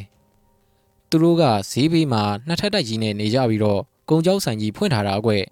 ကိုလှနဲ့မလေးမှာတဝူးတဲ့သောသမီးကလေးလှလေးစိန်ဆိုတာရှိရဲ့အင်မတန်ချောမောပြီးတော့အင်မတန်မှလိမ္မာရင်ကြီးတဲ့ကလေးမလေးကွအဲ့ဒီကလေးမလေးနဲ့မောင်စိန်ပန်းအတွက်သွားပြီးတော့ကြောင်းလန်းရလိမ့်မယ်ဟာဖြစ်ပါမလားဆရာရဲ့ကျုပ်တို့ချင်းကဘာအဆက်ဆက်မှမရှိတာလက်ခံပါမလား ဒီအတွက်တော့မပူပါနဲ့ကျုပ်တို့စီစဉ်ထားမယ်ဟိုကလည်းခမားတို့ရောက်လာမှကြိုပြီးတော့တည်နေလိမ့်မယ်သူတို့သမီးလှလေးစိန်နဲ့မောင်စိန်ပန်းကိုနေရာချထားပေးဖို့အတွက်အစင်သင့်ကိုစောင့်နေမှာတွားတာတွားကြပါမောင်စိန်ပန်းကိုလည်းတဘာတည်းခေါ်သွားကြရလိမ့်မယ်ပြောစရာရှိတာတွေပြောဆိုပြီးတော့အောင်ပင်လေဆရာကျော်ကပြန်ကြွသွားတယ်ကွအဲ့ဒီအချိန်မှာပဲကိုလှတို့မလီတို့တိုက်ကိုလည်းဝက်ဖြူစင်ကျဲဝတ်ထားတဲ့ရေပြားအိုင်ဆရာမြဆိုတဲ့ဆရာကရောက်သွားတယ် ကိုလှနဲ့မလီကလည်းဆရာမြကိုဝမ်းသာအားရနဲ့ကြိုးဆိုကြတာပေါ့ကွယ်ဆရာမြကိုကောင်းကောင်းမွန်မွန်ဧကန်ကျွေးမွေးကြတယ်ဆရာမြကလည်းတူလာတဲ့ကိစ္စကိုပြောတယ်ကဲကိုလှနဲ့မလီသမီးလေးလှလေးစိန်လည်းအရွယ်ရောက်ပြီကွအထက်ပုဂ္ဂိုလ်ကြီးနဲ့မင်းတို့ပြုတ်ထားကြတဲ့ဂရီးကဝတ်တွေကိုတတိရတယ်မလားဟာတတိရပါတယ်ဆရာရဲ့ကျွန်တော်တို့လည်းသမီးလေးကိုအိမ်အောင်ရသားချပေးခြင်းနေပါပြီဗျာကျွန်တော်တို့ချမ်းသာကြွယ်ဝသမျှတွေကိုအမွေဆက်ခံမဲ့သူလိုချင်နေပါပြီ ပြီးတော့မြီးတွေမြစ်တွေနဲ့ဘဝကိုပျော်ပျော်ကြီးနေခြင်းလာပါပြီဗျာအေးဒီလိုဂရီတီတော့ကောင်းတာပေါ့ကွယ်မင်းတို့လည်းရှေ့အဖို့ရာမှာပို့ပို့ပြီးတော့ကြီးပွားချမ်းသာကြမှာပါကဲဒါဆိုရင်နားထောင်ကြကံကြိုင်းရွာမှာတတိကိုစိန်နဲ့တတိကတော့မပန်းဆိုတာရှိတယ်ချမ်းသာလိုက်ကြတာမှကြီးကြီးကိုတက်နေတာကွသူတို့မှာတဦးရဲတော်သားကလေးမောင်စိန်ပန်းဆိုတာရှိတယ်အင်မတန်မှလိမ္မာရေးကြရှိတယ်ကွအဲ့ဒီတငယ်နဲ့မင်းတို့ရဲ့သမီးလေးလှလေးစိန်ကိုနေရာချပေးကြရလိမ့်မယ် အထက်ပုဂ္ဂိုလ်ကြီးနဲ့ပြုတ်ထားတဲ့ဂရီးကဝတ်တွေကိုကျွန်တော်တို့ဘယ်တော့မှမမေ့ပါဘူးဆရာရဲ့ဒါပေမဲ့အခုပြောနေတဲ့သူတွေနဲ့ကျွန်တော်တို့နဲ့ကအဆက်ဆက်မှမရှိတာဒီအတွက်တော့မပူပါနဲ့ကွမကြခင်မှာပဲတငယ်လေးမောင်စိန်ပန်းကိုခေါ်ပြီးတော့ဒီကိုရောက်လာကြလိမ့်မယ်ကလေးတွေရဲ့ကြောင်းလန်းပွဲလေးအတွက်ကြိုပြီးတော့ပြင်ဆင်ထားနိုင်မှုကျုပ်ကလာပြီးတော့အကြောင်းကြားတာပါ။အော်ဒီလိုလားဒီအတွက်တော့စိတ်ချပါဆရာကျွန်တော်တို့ဘက်ကအစင်သင့်ပြင်ထားပါမယ်ဗျာ။အေးကွယ် ဒါဆိုရင်တော့နေရာကျပြီပေါ့။ကျုပ်ကဒီကိစ္စကိုအသိပေးဖို့လာခဲ့တာပါ။အခုလိုအဆင်ပြေပြီဆိုတော့လေကျုပ်ပြန်ယုံပေါ့မောင်လှရဲ့။ပြောပြောဆိုဆိုနဲ့ရေးပြအိုင်ဆရာများကပြန်ဖို့ပြင်တော့တယ်။ဟာဆရာရဲ့နေပါအောင်ဗျာကျွန်တော်တို့လင်မယားရဲ့ဘဝကိုပြောင်းလဲပေးခဲ့တဲ့ဆရာကိုကျွန်တော်ကအမြဲမျှော်နေတာပါဖြစ်နိုင်ရင်ကျွန်တော်တို့အိမ်မှာတပတ်တန်တီဆယ်ရက်တန်တီသတင်းသုံးမအောင်လားဆရာရဲ့ဟာဒီလိုနေလို့မရဘူးမောင်လာရဲ့ အထက်ကညွှန်ကြားထားတဲ့တာဝန်တွေကိုထမ်းဆောင်မှုကလည်းရှိသေးတယ်ကွ။နောင်တော့စုံကြအောင်ပါဘောကွယ်။ကဲကဲကျုပ်ပြန်ကြွအောင်မယ်မောင်လာရေ။ရေးပြိုင်ဆရာများကိုတောင်းပန်လို့မရတော့တဲ့အတွက်မောင်လှကသူ့မယားမလေးနဲ့တမီလှလေးစိန်ကိုခေါ်ပြီးတော့မိသားစု၃ယောက်ဆရာများကိုကြောကြတယ်တဲ့ဆရာများအတွက်လမ်းစရိတ်ကိုလည်းအလုံးလောက်လှူလိုက်ကြတယ်ဆိုပဲနောက်တစ်လလောက်ရောက်တော့ကန်ချိုင်းကမောင်စိန်တို့မပန်းတို့ကသူတို့သားမောင်စိန်ပန်းနဲ့အတူကိုလာတို့တိုက်ကိုရောက်လာကြတယ်ကွ ကန်ချိုင်းကလူကြီး၃ယောက်လည်းလိုက်လာကြတာတဲ့မောင်တာတီကိုလှတို့မလီတို့ကလည်းဝမ်ပန်းတတာနဲ့ခီးဥကြိုပြူကြတာပေါ့ကွယ်အဲ့ဒီမှာအံ့ဩစရာကောင်းတာကမောင်စိန်ပန်းနဲ့လှလေးစိန်တို့ကတယောက်ကိုတယောက်တွေ့တာနဲ့ဖတ်ပြီးတော့ငိုကြရောတဲ့ဟိဗျာဖတ်ပြီးငိုတယ်ဟုတ်လားဆရာကြီးကျုပ်ကအံ့ဩပြီးတော့မေးလိုက်တာဗျူအခုမှတွေးတဲ့လူနှစ်ယောက်ကဘလို့ဖြစ်ပြီးတော့ဖတ်ငိုကြတာတော့ဗျာကျုပ်ဖြင့်တွေးလို့ကိုမရဖြစ်တော့တာဗျူ ဟုတ်တယ်မောင်တာတီရဲ့သူတို့နှစ်ယောက်ကအရင်ဘွားကအလွန်ချစ်ကြတဲ့လင်မယားဆိုပဲဒီဘဝမှာပြန်တွေ့တော့ဝမ်းသာလုံးလုံးငိုကြတာဆိုပဲအရင်ဘဝကိုချက်ချင်းပဲမှတ်မိသွားကြတာလေကွာဒီလိုမျိုးကဖြစ်နိုင်လို့လားဆရာကြီးရဲ့အင်းဖြစ်တော့ဖြစ်နိုင်တာပေါ့ကွယ်သူတို့နှစ်ယောက်ကဇာတိတ်တရညံရလို့သာမှတ်မိတာဖြစ်မှာပေါ့ဒါဆိုရင်သူတို့မိဘတွေကတော့ဝမ်းသာကြမှာပေါ့နော်ဆရာကြီးဟာဝမ်းသာကြတာပေါ့မောင်တာတီရဲ့ တယောက်နဲ့တယောက်အခုမှမြင်ဘူးကြတဲ့နှစ်ယောက်ကတယောက်ကိုတယောက်စုံမမှုမရှိဘူးဆိုရင်လူကြီးတွေကစိတ်ဆင်းရဲကြရမှာလေအခုလို့ဆိုတော့ဝမ်းသာအားရဖြစ်ကြတာပေါ့ကွယ်ဒါဆိုရင်မင်္ဂလာဆောင်ပြစ်သွားတာပေါ့နော်ဆရာကြီးဟာဆောင်လိုက်ကြတာမှလှလေးစိန်တို့ဘက်မှာတပွဲမောင်စိန်ပန်းတို့ဘက်မှာတပွဲကွယ်မင်္ဂလာဆောင်ပြီးတော့ကန်ကြိုက်မှာတလဲကိုလှတို့မလေးတို့စီမှာတလဲနေကြရတယ်တဲ့ကန်ကြိုက်ရောက်တော့လဲကိုစိန်တို့မပန်းတို့ရဲ့အလုပ်တွေကိုဝိုင်းလုပ်ကြတာပေါ့ကွယ် ကိုလာတို့အိမ်နေတော့လဲကိုလာတို့ဆိုင်ကြီးမှာဝိုင်းလောက်ကြကန်ကြတဲ့အဲ့ဒီတော့နှစ်ဖက်မိဘတွေကလည်းသဘောကျကြတာပေါ့ကွယ်အေးဒီလိုနဲ့အိမ်အောင်သက်6လလောက်ရှိတော့လှလေးစိန်မှာကိုဝင်ရှိလာရော်တယ်ကွကိုဝင်ရင်လာလို့မွေးကန်ဒီဖွားကန်ဒီမှာလှလေးစိန်ကသူ့အမေမက်လေးစီကိုပြန်လာပေါ့ကွယ်မောင်စိန်ပန်းကလည်းလိုက်လာတာပေါ့ဒီလိုနဲ့မီးဖွားဖို့ရဲရောက်တော့ကိုစိန်နဲ့မပန်းမှာလိုက်လာကြတယ်ဆိုပဲမြို့တဲကအရက်လက်တဲ့နှစ်ယောက်ကိုလည်းအိမ်မှာအစင်းသင်ထားရတဲ့မောင်တာတီကြီး ဒါနဲ့ဘာလီမွေးတုံဆရာကြီးရဲ့ကျုပ်ကလည်းမြန်မြန်သိကျင်နေတော့မေးလိုက်မိတာဗျဘာမှမမွေးဘူးမောင်တာတီရဲ့ဗျာဘလို့ဆရာကြီးဘာမှမမွေးဘူးဟုတ်လားဟုတ်တယ်မောင်တာတီတညမှာလှလေးစိန်ကအိမ်မက်မက်တယ်အိမ်မက်ထဲမှာသူကမီးဖွားထားတယ်ကွသူတို့ငားထားတဲ့လက်သေးဝမ်းဆွဲမိမကြီးနှစ်ယောက်ကဖွားပြီးတာဆိုပဲအိမ်ရှိမှာနှစ်ဖက်မိဘတွေရောသူ့ယောက်ျားမောင်စိန်ပန်းရောကစိတ်ပူပြီးချီမကင်မိလက်မကင်မိတွေဖြစ်နေတာဆိုပဲ နောက်တော့တားယောက်ျားလေးဖွားတာတယ်ကွကလေးကဖြူဖြူဖွေးဖွေးလေးနဲ့တော်တော်ကိုချစ်ဖို့ကောင်းတယ်လို့ပြောတယ်အိမ်မက်ကနေလန့်နိုးသွားတော့လှလေးစိန်ကအလန့်တကြားနဲ့မောင်စိန်ပန်းကိုနှုတ်တဲ့ကိုစိန်ပန်းကိုစိန်ပန်းကလေးရောကလေးဟင်ကလေးဟုတ်လားလှလေးစိန်ဘယ်ဟာကလေးတော့ကျမမွေးတဲ့ကလေးလေးရှင်သားရှင်သားဟာလှလေးစိန်ကလည်းမင်းမမီးမဖွားရသေးတာကလေးကဘယ်မှာရှိမှာတော့မင်းအိမ်မက်မက်နေတာဖြစ်မှာပါကွာ မောင်စိန်ပန်းကအဲ့လိုပြောတော့မှလှလေးစိန်လည်းအံ့ဩသွားတယ်ဟင်ဟုတ်လားကျုပ်ကျုပ်အိမ်မက်မက်နေရလားပြောပြောဆိုဆိုနဲ့သူ့ဘိုက်ကိုလက်နဲ့ဆန်းကြည့်လိုက်တော့မှလှလေးစိန်ကအလံတကြားနဲ့ထပြီးငိုတော့တာတဲ့ဟိဟင်ဘာဖြစ်လို့တော့ဆရာကြီးရဲ့လှလေးစိန်လွယ်ထားတဲ့နေစိလားစီကိုဝင်ကြီးကမရှိတော့ဘူးလေကွဘိုက်ကပြားချက်နေတာဆိုပဲဗျာဒါဒါဘလို့ဖြစ်တာတော့ဆရာကြီးရဲ့ သူတို့ပေးထားတဲ့ဂရီအတိုင်းသူတို့ရဲ့မြူးလေးကိုပေးလိုက်ကြရတာပေါ့ကွယ်ကလေးမွေးပြီးမှယူရမှာမဟုတ်ဘူးလားဆရာကြီးရဲ့လူဆိုတာကစိတ်ပြောင်းသွားနိုင်တယ်မောင်တာတီရဲ့ကလေးမျက်နှာလဲတွေ့ရောဘယ်မိဘကကိုကလေးကိုပြီးတော့မှလဲပြီးတော့မောင်စိန်တို့မောင်လာတို့ဂရီကိုကိုလှုပ်ကြတဲ့ကိစ္စကိုသူတို့သားသမီးတွေဖြစ်တဲ့မောင်စိန်ပန်းနဲ့လှလေးစိန်တို့ကသိကြတာမှမဟုတ်တာလွယ်ထားတဲ့ကိုဝင်ကပျောက်သွားတယ်ဆိုတော့မအေရောဖအေရောငိုကြတော့တာပေါ့ကွယ် ဘိုက်ထဲကကလေးကိုဘလူးပညာရီနဲ့များယူသွားကြတာတော့ဆရာကြီးရဲ့နတ်မိတ်စာတကောင်အတွက်တော့ဒီလောက်ကလေးကအသေးမွားပါမောင်တာတီရဲ့ဗျာနတ်မိတ်စာဟုတ်လားဆရာကြီးအေးလီကွယ်နတ်မိတ်စာမိုးညိုလောက်တာလီကွယ်ဗျာဒါဆိုရင်ဝက်ဖြူစင်ကျဲဝစ်ပြီးတော့ရောက်လာတဲ့အောင်ပင်လေဆရာကျော်တို့ရေပြိုင်ဆရာများတို့ဆိုတာကအထက်လန်းဆရာကြီးတွေမဟုတ်ဘူးလားဆရာကြီးရဲ့ဘယ်ကဟုတ်ရမှာတော့မောင်တာတီရဲ့ အဲ့ဒါမိုးညိုရဲ့လက်ယုံတစ်ပည့်နှစ်ယောက်ပေါ်ကွဒီကောင်နှစ်ကောင်ကစက်ကျိုးနှင်းပြီးတော့ကောင်းကင်မှာတက်နေနိုင်တဲ့ကဝေရီကွဟာဒါဆိုရင်အထက်ဆရာကြီးဟန်ဆောင်ပြီးတော့လာတာပေါ့ဟုတ်လားဆရာကြီးဟုတ်တာပေါ့မောင်တာတီရဲ့ဒီလိုကိစ္စတွေကတော့ကဝေရီလုံနေကြအသေးအဖွဲကိစ္စတွေပါကဝေရီရဲ့မာယာပေါ့ကွယ်ဒါဆိုရင်ဆရာကျော်တို့ဆရာများတို့ကိုဓာတ်စီးပြီးတော့ဥစိန်တို့ဥလှတို့နဲ့ဂရီကဝတ်တွေလုပ်ခဲ့တဲ့အထက်ပုဂ္ဂိုလ်ကြီးဆိုတာကဘသူတုံးဆရာကြီးရဲ့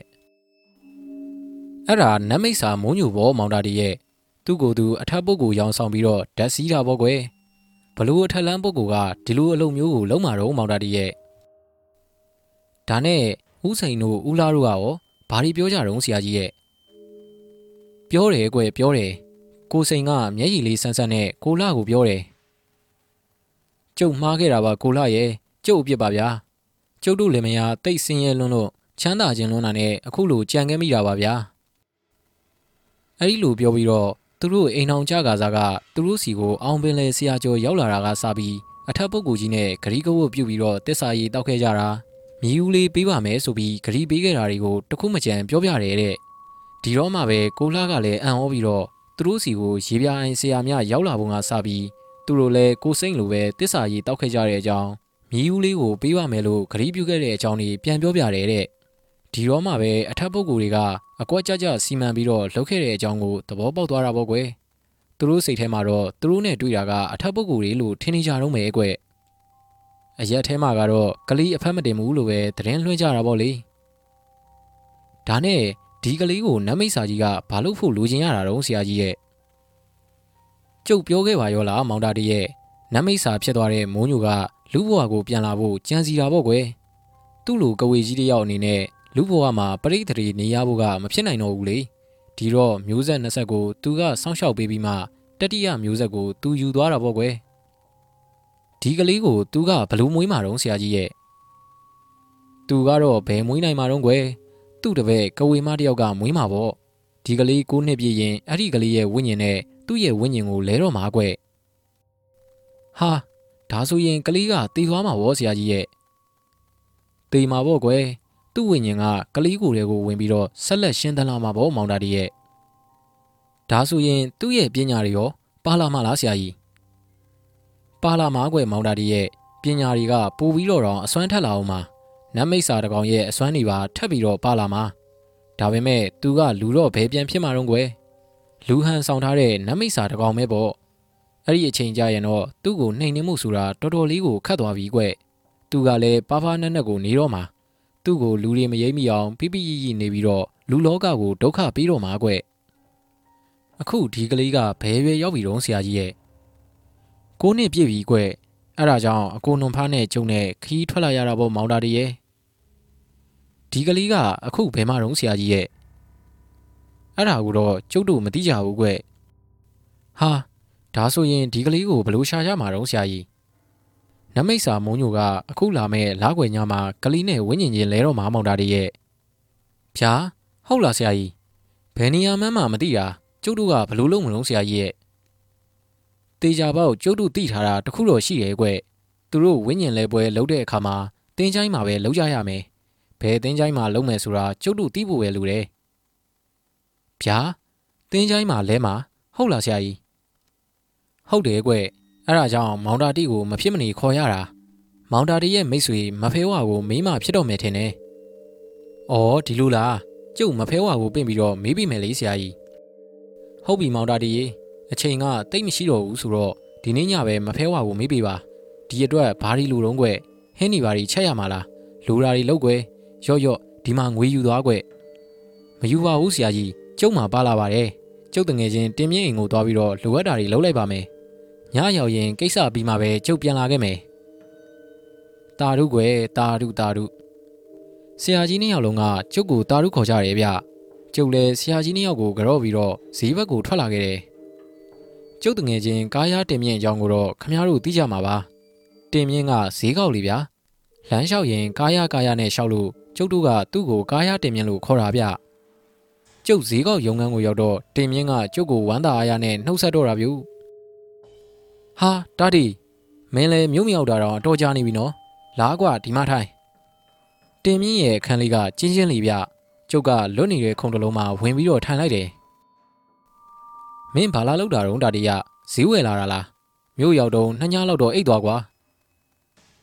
ငါကိစ္စရှိလို့လာခဲ့တာတင်မြင့်ရငါတယောက်တည်းမဟုတ်ဘူးကွာငါဆရာကြီးနှစ်ယောက်လည်းပါသေးရဲ့အောင်တော်မူเจ้าမှာတဲကြတာကွာငါအခုလာတာကမင်းအကူကြီးလိုချင်လို့ဟိဟေး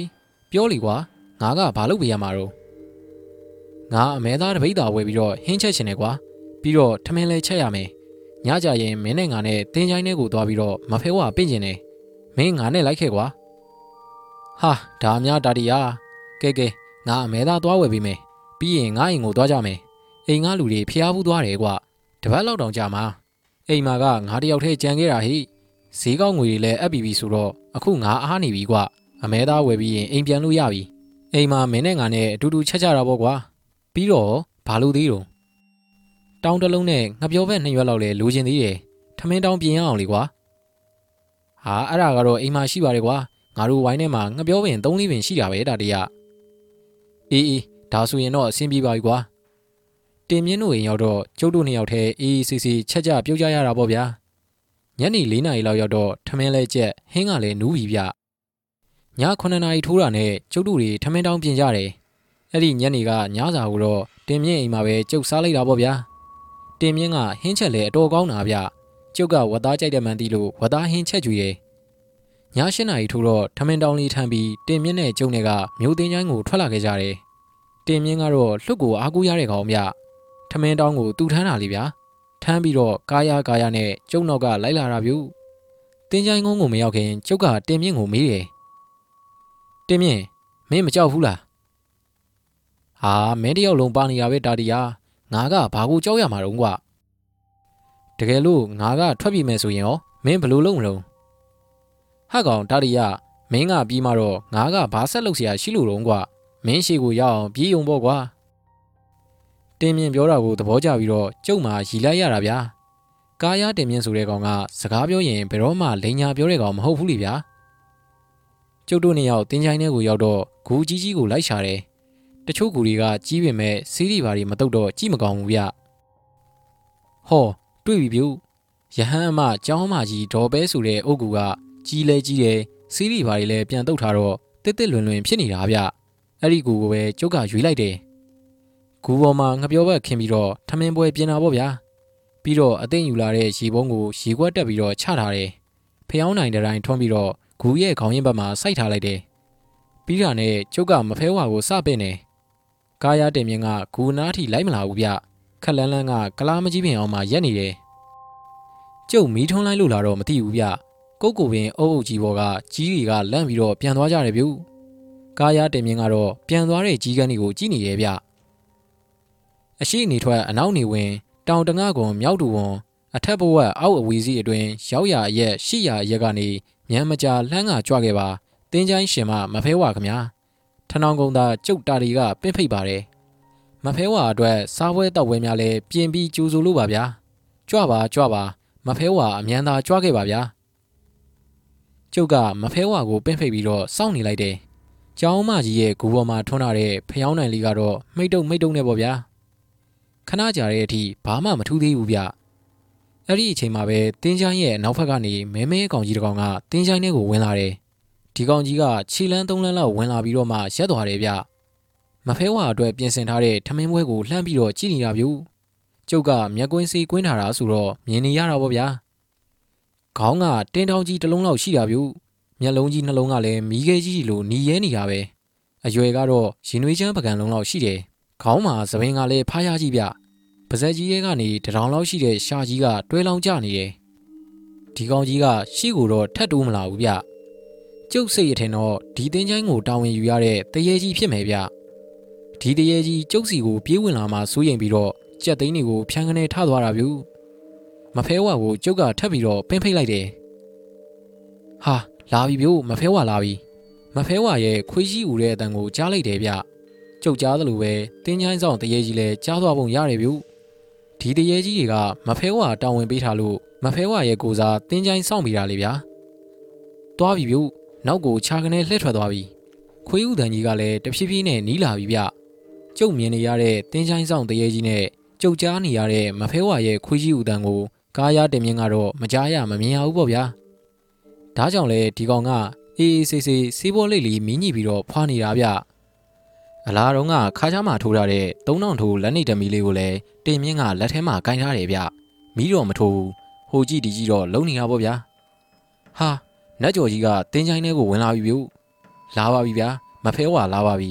ဖြူဖြူအရေးကြီးကအုတ်ကူတွေဘောကတထောင်လောက်အကွာကနေရိတ်ကနေရိတ်ကနေရွေ့လာတာဗျဟောကျုပ်ထမင်းပွဲပြင်ထားတဲ့ဂူဘော်ကိုရောက်လာပြီဗျဂူပေါ်မှာခြေစုံရက်ပြီးတော့ပတ်ဝန်းကျင်ကိုတစ်ချက်လိုက်ကြည့်ရဲနဲတဲ့အရက်ကြီးမဟုတ်ပါဘူးဗျာ ကျုပ်စိတ်အထင်တော့10ဘီ15ဘီလောက်ရှိမယ်ထင်တယ်ဗျစပင်ဖားရကြီးချပြီးတော့လက်ဖက်ရည်ပကံလောက်ရှိတဲ့မျက်လုံးနီနီကြီးတွေနဲ့တင်းချိုင်းတစ်ခုလုံးကိုလိုက်ကြည့်နေရပြီမဖဲဝါကထမိန်အနက်ကြီးကိုရင်ရှားထားတယ်မဖဲဝါရဲ့လက်ချောင်းတွေကအတူရှိမကြီးလာဘူးဗျတချို့လက်ချောင်းတွေကတူပြီးတော့တချို့လက်ချောင်းတွေကရှင်းနေတယ်ဟောထိုင်ချလိုက်ပြီဗျဒူးကောင်းကြီးတစ်ဖက်ထောင်ပြီးတော့ထိုင်တာဗျကျုပ်ပြင်ပေးထားတဲ့ထမင်းပွဲကိုတီးတီးချာချာငုံကြည့်ပြီးတော့ခေါင်းနှစ်ချက်သုံးချက်ညှိနေ ဟာစားပြီဗျစားပြီအားရပါရကိုစားတာဗျအသားတုံးတုံးကိုလည်းနတ်ကြော်ကြီးစီပြစ်ကြွေတယ်ထမင်းစားနေရင်ကနေကျုပ်ကိုလှမ်းကြည့်တယ်ဗျကျုပ်သိတာဗောဗျာဘာကိစ္စရှိတုံးလို့ကျုပ်ကိုမေးတဲ့သဘောဗျကျုပ်ကနမိတ်စာဖြစ်သွားတဲ့ကဝီယာစာကြီးမိုးညိုအကြောင်းကိုအချင်းချုံပြီးတော့ပြောပြတယ်ပြီးတော့မက်လာလေးစိန်ရဲ့ဘိုက်ထဲကသူထုတ်ယူသွားတဲ့ကလေးကအခုဆိုရင်9နှစ်ပြည့်ပြီမို့လို့နမိတ်စာမိုးညိုကဝင်းညင်လဲတော့မယ့်အကြောင်းကိုပြောပြတယ် အဲ့ဒါတင်းချိုင်းတစ်ခုမှလဲမာလို့ဘိုးလူပေကပြောတဲ့အကြောင်းနဲ့အဲ့ဒါဘယ်တင်းချိုင်းလဲဆိုတာသိကျင်လို့ပါဆိုပြီးကျုပ်ကပြောပြတယ်ဗျပြီးတော့ဆရာနှွန်ဖားနဲ့ဘိုးလူပေခိုင်းလို့လာရတဲ့အကြောင်းကိုလည်းပြောပြတယ်တာတေနင်းဆရာကြီးတွေအကျိတ်အနယ်လှုပ်ယူရလိမ့်မယ်လူလောကမှာတခါမှမရှိဘူးသေးတဲ့ကိစ္စကိုမိုးညိုကလှုပ်လိုက်မယ်ဝိညာဉ်လဲတဲ့အစ်စ်မှာနိုင်အောင်မတိုက်နိုင်ရင်ဒီကလေးကတဖြည်းဖြည်းကြီးလာပြီးတော့ဘသူမှမနိုင်အောင်ဖြစ်သွားလိမ့်မယ်နောက်ဆုံးသာသနာတော်ကြီးကိုပါအနှောက်အယှက်လုပ်လိမ့်မယ်ဒါဒီ ဟာဒီအထီတောင်လားဗျာအေးဟုတ်တယ်အဲ့ဒါကြောင့်နစ်ဆရာကြီးတွေကသူတို့အသက်နဲ့ယင်ပြီးနှိမ်နှင်းပါမယ်လို့အထက်ပုဂ္ဂိုလ်တွေစီမှာဂရီးပြုခဲ့ကြတယ်မိုးညိုကလည်းသူလူလောကကိုပြန်ရောက်ဖို့အတွက်နှစ်ပေါင်းများစွာစီမံခဲ့ရတဲ့ကိစ္စဆိုတော့အသေးအလဲတိုက်မှာပဲဒါဒီရဲ့ဒါပေမဲ့နတ်မိတ်စာတွေမှာလှုပ်ဝက်ချက်တစ်ခုရှိတယ်အဲ့ဒါကတော့သူတို့တွေကတိုက်ရင်းနဲ့အစွမ်းနေကုန်းကုန်းလာတယ်အဲ့ဒီအခါမှာသူတို့ကအသွင်တစ်မျိုးပြောင်းပြီးတော့တိုက်တက်ကြတယ်နောက်ဆုံးမှာအစွမ်းနေလုံးဝကုန်းသွားလိမ့်မယ် အဲ့ဒီအချိန်မှာနတ်မိတ်စာကဂျွန်းထိုးလိမ့်မယ်အဲ့ဒါကသူတို့အစွမ်းကိုပြန်ယူတာပဲအဲ့ဒီလိုဂျွန်းထိုးတဲ့အချိန်မှာမိမိရရနှိမ်နှင်းနိုင်ရင်တော့နင်းဆရာကြီးတွေနိုင်မှသိကြတယ်ကျေးဇူးတင်လိုက်တာမဖဲဝါရဲ့အေးနောက်တစ်ခုကနတ်မိတ်စာမိုးညိုနဲ့ကိုနှစ်ကလေးနဲ့ဝင်းညင်လဲမဲ့နေရာကတင်းချိုင်းနံပါတ်6မှာဗျာတင်းချိုင်းနံပါတ်6ဆိုတာဘယ်တင်းချိုင်းတော့မဖဲဝါရဲ့တင်းချိုင်းနာမည်ကိုပေါင်းရင်ကိုရတဲ့တင်းချိုင်းဟဲ့အဓိကရတင်းချိုင်းကြီးလည်းဖြစ်ရမယ် ဟင်ဒါဆိုရင်ကျုပ်ကဘာပြောရမှန်းမသိတော့ဘူးပေါ့ဗျာဟဲ့တာတီရဲ့ဘိုးလူပေကိုတိတိကျကျပြောလိုက်နတ်မိတ်စာမိုးညိုကိုနှစ်သားကလေးနဲ့ဝင်းညင်လဲမဲ့တင်းချိုင်းကတင်းချိုင်းနာမည်ကိုပေါင်းရင်ကိုကြမဲ့တင်းချိုင်းကြံတော်တင်းချိုင်းလို့ကြားလာတာဒီဟုတ်ဟုတ်ကဲ့ပါဗျာဟုတ်ကဲ့ပါမဖဲဝါဘိုးလူပေတို့ဆရာကြီးဆိုင်းတော်ဖာတို့ကိုကျုပ်တိတိကျကျပြောလိုက်ပါမယ်ဗျာပြီးပြီဗျို့ပြီးပြီကျုပ်လာတဲ့ကိစ္စကတော့ပြီးပြီဗျ ဟဲ့တာဒီနောက်တစ်ခုမှတ်အောင်ဝိညာဉ်လဲမဲ့အချိန်ကအခုလာမဲ့လားခွေညသကောင်းချိန်မှလဲမှာကြံတော်တင်းချိုင်းတွေကကာလီမေရောဗိမ္မာန်ရဲ့အနောက်ဘက်မှာကောင်းပါပြီမဖဲဝါကောင်းပါပြီဗျာမဖဲဝါကအမဲသားဟင်းနဲ့ထမင်းကိုဆက်စားတယ်ဗျစားတော့ပြီးတော့လက်စီရေတောက်လုပ်တယ်ပြီးတာနဲ့တင်းချိုင်းတွေကပြန်ထွက်တော့တာဗျမဖဲဝါရဲ့ခွေကြီးနတ်ကျော်ရဲ့ဦးတန်ရှိကြီးကတဖြည်းဖြည်းနဲ့ဝေးသွားတယ်ဗျ ကျုံနဲ့တင်မြင်လဲတင်းချိုင်းတွေကထွက်ခဲ့တာပေါ့ဗျာတင်မြင့်ကကျုပ်ကိုအောင်တော်မူကြောင်းအထိလိုက်ပူတယ်ဗျဆရာကြီးနွန်ဖာနဲ့ဘိုးလူပေကတော့ကျုပ်ကိုမျှော်နေကြတာပေါ့ဗျာကျုပ်ကိုတွေးတော့မှပြုံးပြုံးရွှင်ရွှင်ဖြစ်သွားကြတယ်ဗျမောင်တာဒီညစာစားပြီလားကွစားပြီပါပြီဆရာကြီးကျုပ်တငယ်ချင်းတင်မြင့်အိမ်မှာပဲစားလိုက်တယ်ဆရာကြီးရဲ့ဩအေးအေးသွားတဲ့ကိစ္စရောနေရာကြရဲ့လားကွအဆင်ပြေပါတယ်ဆရာကြီး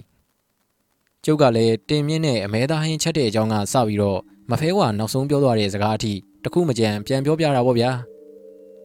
ဟာဒါဆိုရင်တော့နေရာကြပြီပေါ့မောင်တာဒီရဲ့ကြံတော်သိန်းချိုင်းဆိုတော့ကျုပ်တို့ရန်ကုန်ကိုဆင်းကြရမှာပဲအကိုနုံဖရဲ့ဟုတ်တယ်ကိုလူပေကြီးမနှက်ဖြန်ကိုပဲခရီးစားထွက်မှာဖြစ်လိမ့်မယ်လားကွယ်ဘူက၄ရက်ပဲလိုတော့တာကွယ်ဟုတ်တယ်ကိုနုံဖမနှက်ဖြန်ထွက်မဲ့ညနေရထားနဲ့လိုက်ကြရအောင်ကောင်းသားပဲကွ ဆရာနုံဖကခီးထွက်ဖို့သဘောတူလိုက်တယ်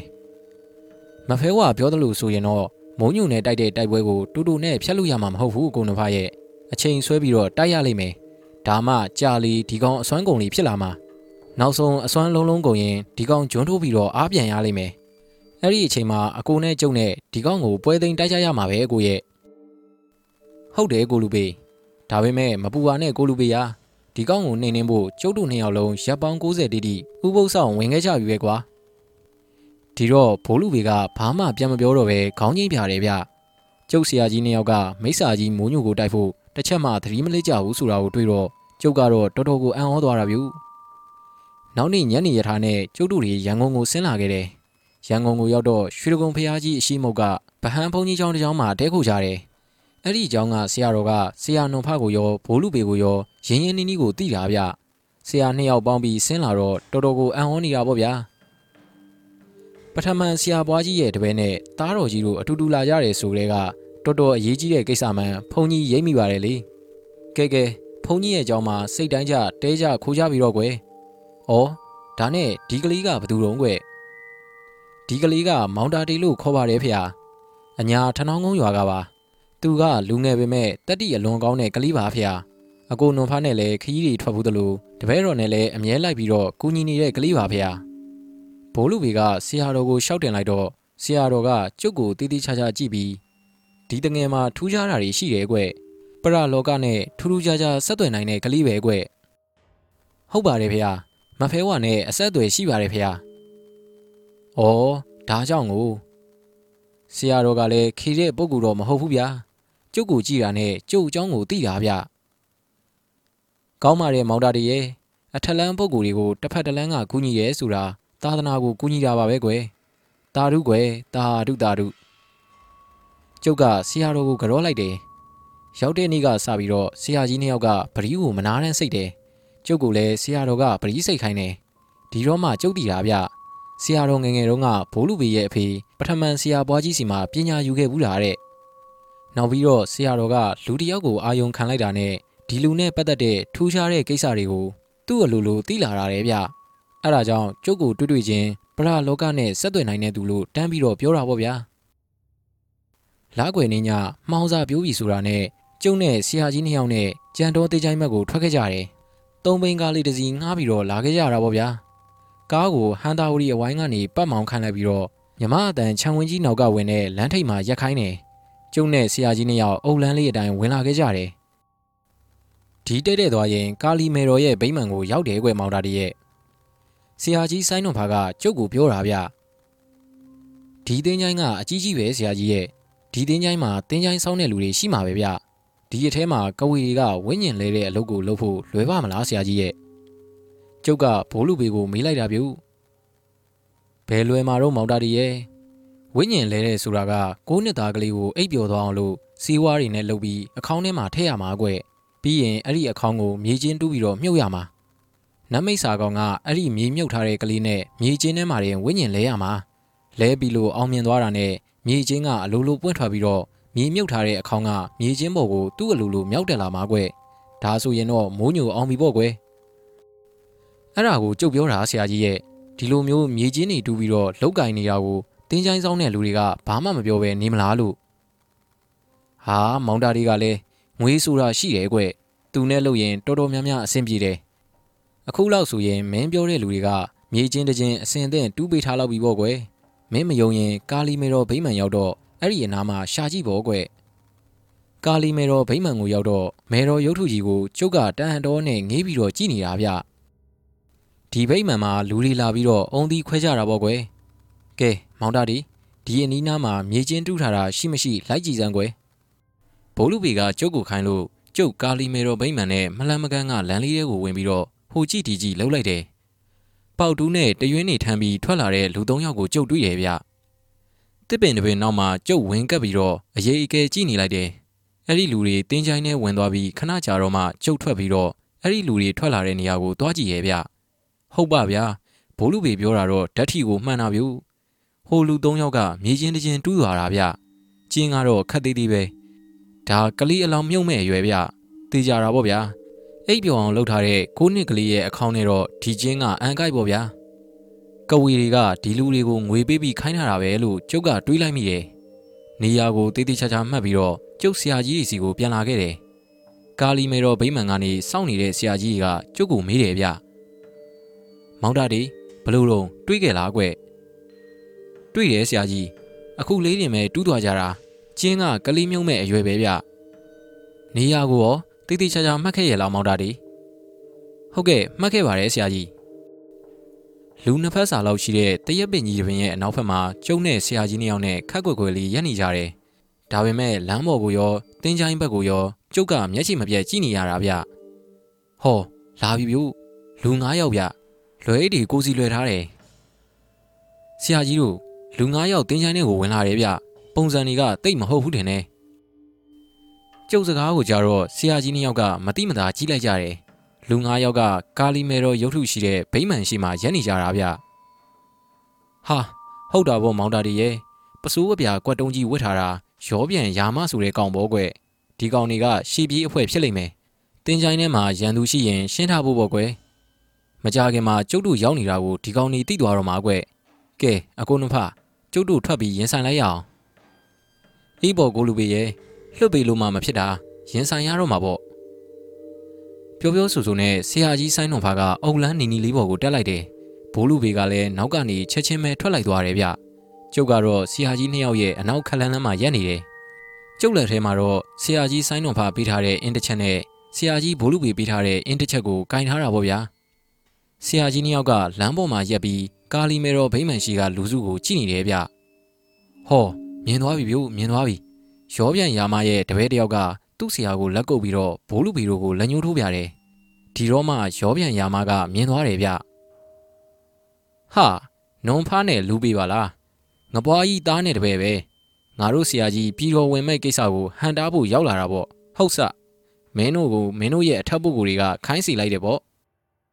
ဟဲ့ကောင်ရာမစကားရှိမနေနဲ့ မင်းတို့ဆရာနတ်မိတ်စာမိုးညိုပြည်တော်ဝင်ရအောင်သူကဘာမလို့တော့ပြည်တော်ဝင်နေဆိုတာအထက်ပုဂ္ဂိုလ်တွေရဲ့အလုပ်က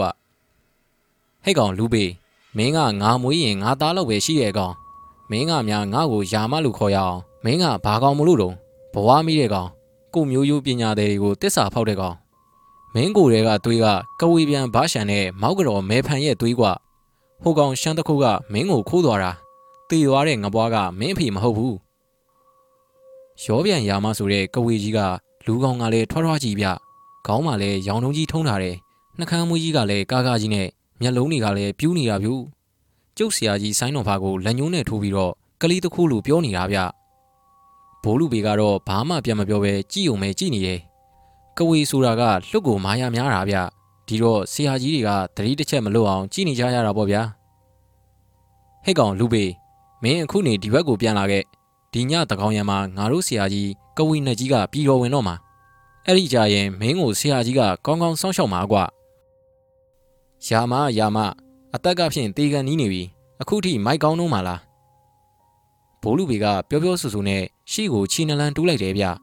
ဒီမှာရင်မဲ့ရောပြန်ယာမဆိုတဲ့ကဝီကြီးကလည်းရှေ့ကိုခြေနှလန်းတိုးလာတယ်အေးလေမင်းကဒီလောက်တေးချင်နေမှတော့လေငါကတက်ပြရတော့မှာပေါ့ကွာကဲ ဟိုရှမ်းကောင်လည်းအစင်သင့်ပြင်ထားပြီးတော့ပြီးရင်မင်းအလှည့်လာမယ်ပြောပြောဆိုဆိုနဲ့ရောပြန်ယာမကသူ့ရဲ့လက်နှစ်ဖက်ကိုလေထဲမြောက်ပြီးတော့ဝှိလိုက်တယ်ဗျဘိုးလူဘေကပြုံးလိုက်တယ်ပြီးတာနဲ့မြေကြီးကိုဖနှောင်းတစ်ချက်ပေါက်လိုက်ရောဗျဟာယာမရဲ့လက်ထဲမှာမွေးဟောက်ကြီးနှစ်ကောင်ဗျဘယ်ဘက်လက်ထဲမှာတစ်ကောင်ညာဘက်လက်ထဲမှာတစ်ကောင်ဗျနှစ်ကောင်လုံးပပြင်းကြီးတွေထောင်ပြီးတော့ခွီကနေခွီကနေလုံနေတာဗျဟာယာမကြီးကသူ့မွေတွေကိုသူ့မနိုင်ဘူးဗျမွေတွေကအတင်းယုံနေတာဗျ ဟဲ့ငိမ့်ကြစမ်းတေးကျင်လို့လားဘိုးလူပေကမြေကြီးကိုဖနှောင်းနဲ့တစ်ချက်ထပ်ပေါက်တယ်ဗျဟာမွေဟောက်ကြီးနှကောင်ကအတင်းယုံပြီးတော့ကဝေကြီးယာမကိုတံပြန်နေပြီဗျတကောင်ကယာမရဲ့လက်ကိုပေါက်ချလိုက်တယ်ယာမရဲ့လက်မှာပေါက်သွားပြီးတော့သွေးတွေထွက်လာတယ်ဗျယာမလည်းလက်ထဲကမွေတွေနဲ့ဘိုးလူပေကိုလှမ်းပစ်တယ်ဒါပေမဲ့မွေတွေကရှေ့ကိုထွက်မလာဘဲနဲ့နောက်မှရက်နေတဲ့ယာမရဲ့တပည့်လေးယောက်စီကိုလွင့်သွားတယ်ဗျဟာဟာဘလို့ဖြစ်တာတော့ ယာမရဲ့တပည့်တွေကအော်ဟင်းရင်းနဲ့မွေတွေကိုလက်နဲ့လှမ်းရိုက်တယ်ဒါပေမဲ့မွေးနှကောင်ကအဲ့ဒီလူတွေကိုဒေါသတကြီးနဲ့ပေါက်တော့တာပဲဗျညံလိုက်တဲ့မွေတွေဗျာတယောက်စီရဲ့လက်မှာပတ်ပြီးတော့နှစ်ယောက်ဇက်တိုက်ကြိုက်တာဗျယာမရဲ့တပည့်၄ယောက်စလုံးမွေကြိုက်ခံလိုက်ရပြီဗျသူတို့၄ယောက်ကမွေကြီးတွေကိုအတင်းဖယ်ပစ်ပြီးတော့လွယ်အိတ်ထဲကစီးကောင်းနေထုတ်ပြီးဝါးစားကြတယ်ယာမကတော့မွေကြိုက်ခံလိုက်ရတဲ့သူ့လက်ကဒဏ်ရာကိုဒရေးနဲ့ထွီခနဲ့တစ်ချက်ထွေးလိုက်ပြီးလက်နဲ့တက်ချလိုက်တာ ဒဏ်ရာကချက်ချင်းပျောက်သွားရောဗျပြီးတာနဲ့ဘိုးလူပေဘက်ကိုလှည့်ပြီးတော့စက်တွေလွတ်တော့တာပဲဗျကဲရော့ဟိယာမရဲ့စက်ကိုခံနိုင်ရင်ခံပြီးတော့ယာမရဲ့လက်ချောင်းထိပ်ကနေလက်ကနေလက်ကနေထွက်လာတဲ့စက်တွေကဘိုးလူပေစီကိုပြေးဝင်လာတယ်ဗျဘိုးလူပေကယာမရဲ့စက်တွေကိုအနားရောက်မခံဘဲနဲ့လက်နဲ့တွန်းထုတ်တယ်လို့လှုပ်လိုက်တာစက်တွေကတုံငနေရက်သွားပြီးတော့ဝုံငနေအတန်ကြီးနဲ့အတူတူကဝေယာမကြီးကနောက်ကိုခြေတလန်းလောက်ရွေ့သွားတယ်ဗျ အဲ့ဒီအချိန်မှာပဲမွေကြိုက်ခံလိုက်ရတဲ့ယာမရဲ့တပည့်လေးယောက်ကရိုင်းတီးရိုင်းတိုင်းနဲ့ကာလီမေတော်ဗိမ္မာန်တွေကိုဝင်သွားကြတယ်ဒီတစ်ခါခံနိုင်ရင်ခံပြီးတော့လူပေရေမင်းကိုငါတငယ်ချင်းဘာရှန်ရဲ့သားဆိုပြီးတော့ငါကညှနေတာဒီတစ်ခါတော့အသေးပဲပေါ့ကွာကဝေကြီးယာမရဲ့မျက်လုံးတွေရောဟထားတဲ့ပါဇက်ထဲကရောစိမ့်စိမ့်ပြပြဆက်တွေထွက်လာတာဗျအဲ့ဒီဆက်တွေပေါင်းပြီးတော့အနီရောင်ဆက်တွေဖြစ်သွားတယ်အနီရောင်ဆက်တွေကဘိုးလူပေစီကိုပြေးဝင်လာတာဗျ အဲ့ဒီအချိန်မှာပဲရက်ကြည့်နေတဲ့ဆရာကြီးဆိုင်းတွန်ဖာပါရှေ့ကိုထွက်သွားပြီးတော့ဆရာကြီးနှစ်ယောက်ဗျိုင်းတူရိုက်ချလိုက်တယ်ရှေ့ကိုပြေးဝင်လာတဲ့ဆက်တွေကအပိုင်းပိုင်းပြက်ကုန်ရောဗျတဖြန်းဖြန်းမြည်ပြီးတော့ဆက်တွေကပြက်တော့ပြီးပျောက်သွားတာဗျအဲ့ဒီအချိန်မှာပဲဆရာနော်ဖားကသူ့ရဲ့လဝါနှစ်ဖက်ကိုပုတ်နေတယ်ဘိုးလူပေကတော့သူ့ရဲ့ဆက်တွေကိုစလွတ်တယ်ကဝေကြီးယာမာကမျက်နှာနည်းနည်းပြက်နေပြီဗျပြီးတော့မှပါဇက်ကမန်နန်နေရွတ်ပြီးသူ့ကိုယ်ကိုလက်နဲ့ကားတယ်လို့ပုတ်တယ်လို့လုံနေတယ်ဗျ။ အော်မင်းကကဝေတန်ချက်ဝင်နေတာပေါ့လေ။မင်းရဲ့ကဝေတန်ချက်ကတော်ယုံတန်ယုံဆက်ကိုပဲကားနိုင်မှာယာမရဲ့ငါရဲ့လောင်မီးဆက်ကိုတော့ကားနိုင်မယ်မထင်ဘူး။ဆရာဆိုင်တော်ဘာကရှမ်းတန်ဝဲဝဲနဲ့ပြောလိုက်တာဗျ။အဲ့ဒီအချိန်မှာပဲဘိုးလူပေရဲ့လိန်မော်ရောင်တောက်နေတဲ့ဆက်တွေကလက်ကနေလက်ကနေထွက်သွားတယ်ဗျ။ကဝေကြီးယာမကလက်ဝါးနှစ်ဖက်နဲ့ဘိုးလူပေရဲ့ဆက်တွေကိုကားတယ်လို့လှုပ်လိုက်တယ်။ဘိုးလူပေရဲ့ဆက်တွေကနည်းနည်းတန့်သွားပြီးတော့ရှေ့ကိုအရှိန်နဲ့ပြေးမဝင်နိုင်တော့ဘူးဗျက ဝေကြီးယာမဆိုတာခီသူမဟုတ်ဘူးလို့ကြုတ်တွေးလိုက်မိတယ်ဘိုးလူပေလွတ်လိုက်တဲ့ဆက်တွေကလည်းရှေ့ကိုတရွေ့ရွေ့နဲ့တိုးဝင်နေတယ်ဗျကဝေကြီးယာမကလည်းလက်နဲ့တောင့်ပြီးတော့ကာထားတယ်ဒါပေမဲ့သူကြကြမကာနိုင်ဘူးဗျဘိုးလူပေရဲ့ဆက်တွေကတိုးဝင်သွားတယ်ဟာကဝေကြီးယာမရဲ့ကဝေတန်ချက်ကလည်းအတော်ဆွမ်းတာဗျဘိုးလူပေရဲ့လိန်မောင်ရောင်ဆက်တွေကသူ့ကိုယ်တည်းကိုဖောက်မဝင်နိုင်ဘူးဗျသူ့ကိုယ်ကိုပတ်ပြီးတော့လက်ကနေလက်ကနေဖြစ်နေတာဗျာဘဲနဲ့တော့လူပေရဲ့ မင်းရဲ့ဆက်တွေကငါရဲ့ကဝေတန်ချက်ကိုမဖောက်နိုင်ပါလားကွဟုတ်လားယာမဒါဆိုရင်ရော့ငါရဲ့လောင်မီးဆက်ဆရာနွန်ဖားကပျော်ပျော်ဆူဆူနဲ့အစောကလေးကပုတ်နေတဲ့လဝါနှစ်ဖက်ကိုဖွင့်လိုက်တဲ့အခါမီးဆက်လေးတစ်စက်လိုလင်းနေတဲ့အဆက်လေးတစ်ခုကဆရာနွန်ဖားရဲ့လဝါပေါ်မှာတွေးလိုက်ရတယ်ဗျဆရာနွန်ဖားကမန်နန်တစ်ခုကိုရွတ်လိုက်တဲ့အချိန်မှာအလင်းဆက်လေးကလွင့်ထွက်သွားပြီးတော့ကဝေယာမရဲ့ခေါင်းပေါ်မှာဝဲနေတယ်ကဝေယာမကလည်းမန်နန်နေရွတ်ပြီးတော့အလင်းဆက်လေးကိုလက်နဲ့လိုက်ကာနေရဗျ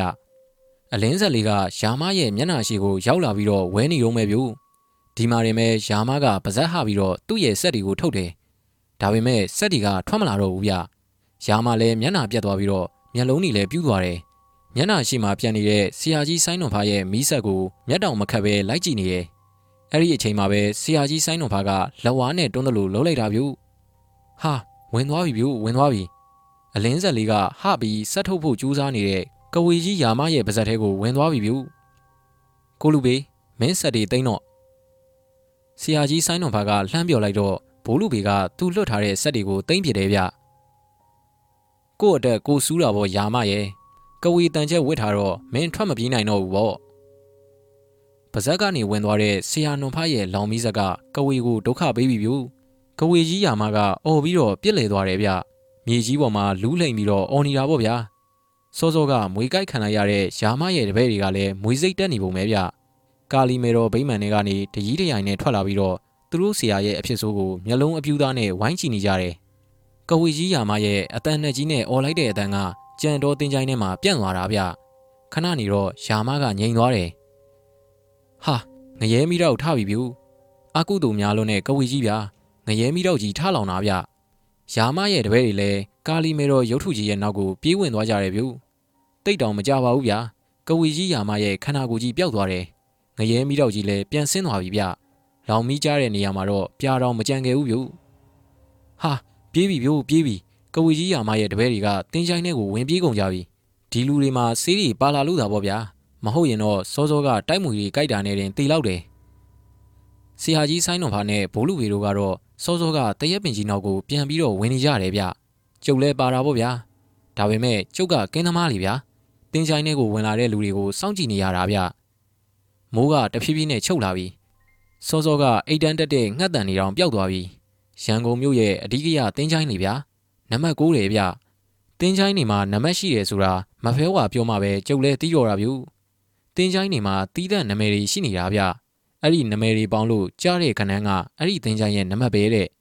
နံပါတ်တူတဲ့တင်းချိုင်းတွေလည်းရှိမှာပေါ့ဗျာကျုပ်စဉ်းစားတယ်ဗျ အောက်လန်းမော်ပညာကျင့်စဉ်တွေမှာကိုကနန်းအဓိကထားပြီးတော့ကျင့်ကြတာကိုကြုတ်သတိထားမိတယ်ကိုတင်ချိုင်းကျင့်စဉ်ကိုကြီးကိုကုံကန်ကြီးကိုကန်တစ်ပင်ကြီးကိုပင်တို့ပေါ့ဗျာကိုချင်းကျင့်စဉ်ဆိုတာတော့လူသိများပါတယ်ကိုချင်းအောင်တဲ့ကဝေးတို့ကိုတင်ချိုင်းအောင်တဲ့ကဝေးတို့ကိုတင်ချိုင်းဓာတ်တို့ဆိုတာတွေကအားလုံးကိုကနန်းနေပဲဗျအခုလဲနမိတ်စာမုံညိုကပြည်တော်ဝင်မဲ့အစီရင်မှာကလေးရဲ့ဝိညာဉ်နဲ့သူ့ဝိညာဉ်လဲမဲ့နေရာကိုအဓိကရတင်ချိုင်းကြီးဖြစ်တဲ့ ကိုးနံပါတ်ရတဲ့ကြံတော်တင်ချိုင်းကြီးမှာစီးရင်လာလေဗျာတဖြည်းဖြည်းနဲ့အမောင်တူကတော့တင်ချိုင်းကုန်းကြီးထဲမှာကြီးစိုးလာပြီဗျတစ်ချက်တစ်ချက်អော်လိုက်တဲ့ငှက်တန်ကြီးတတန်းကလွဲလို့တိတ်ဆိတ်နေရဗျတခါတလေကြတော့လေပိုးကောင်လေးရဲ့အော်တန်ကိုကြားနေရတယ်ကျုပ်တို့ခိုနေတဲ့တရက်ပင်ကြီးနဲ့မလန်မကန်းမှာရှိတဲ့တစ်တူပင်ကြီးပေါ်မှာအိတ်တန်းတက်နေတဲ့ရှင်းတကောင်ရဲ့အိပ်ပျော်ရင်ရောင်အော်နေတဲ့အတန်ကိုလည်းတစ်ချက်တစ်ချက်ကြားနေရတယ်ဆွဲဆွဲငင်ငင်ဦးနေတဲ့ခွေးကြီးတကောင်ရဲ့ဦးတန်ကို တင်းချမ်းရဲ့အလေလောက်ကထွက်ထွက်လာတာလဲကျုပ်တို့ကြားနေရတယ်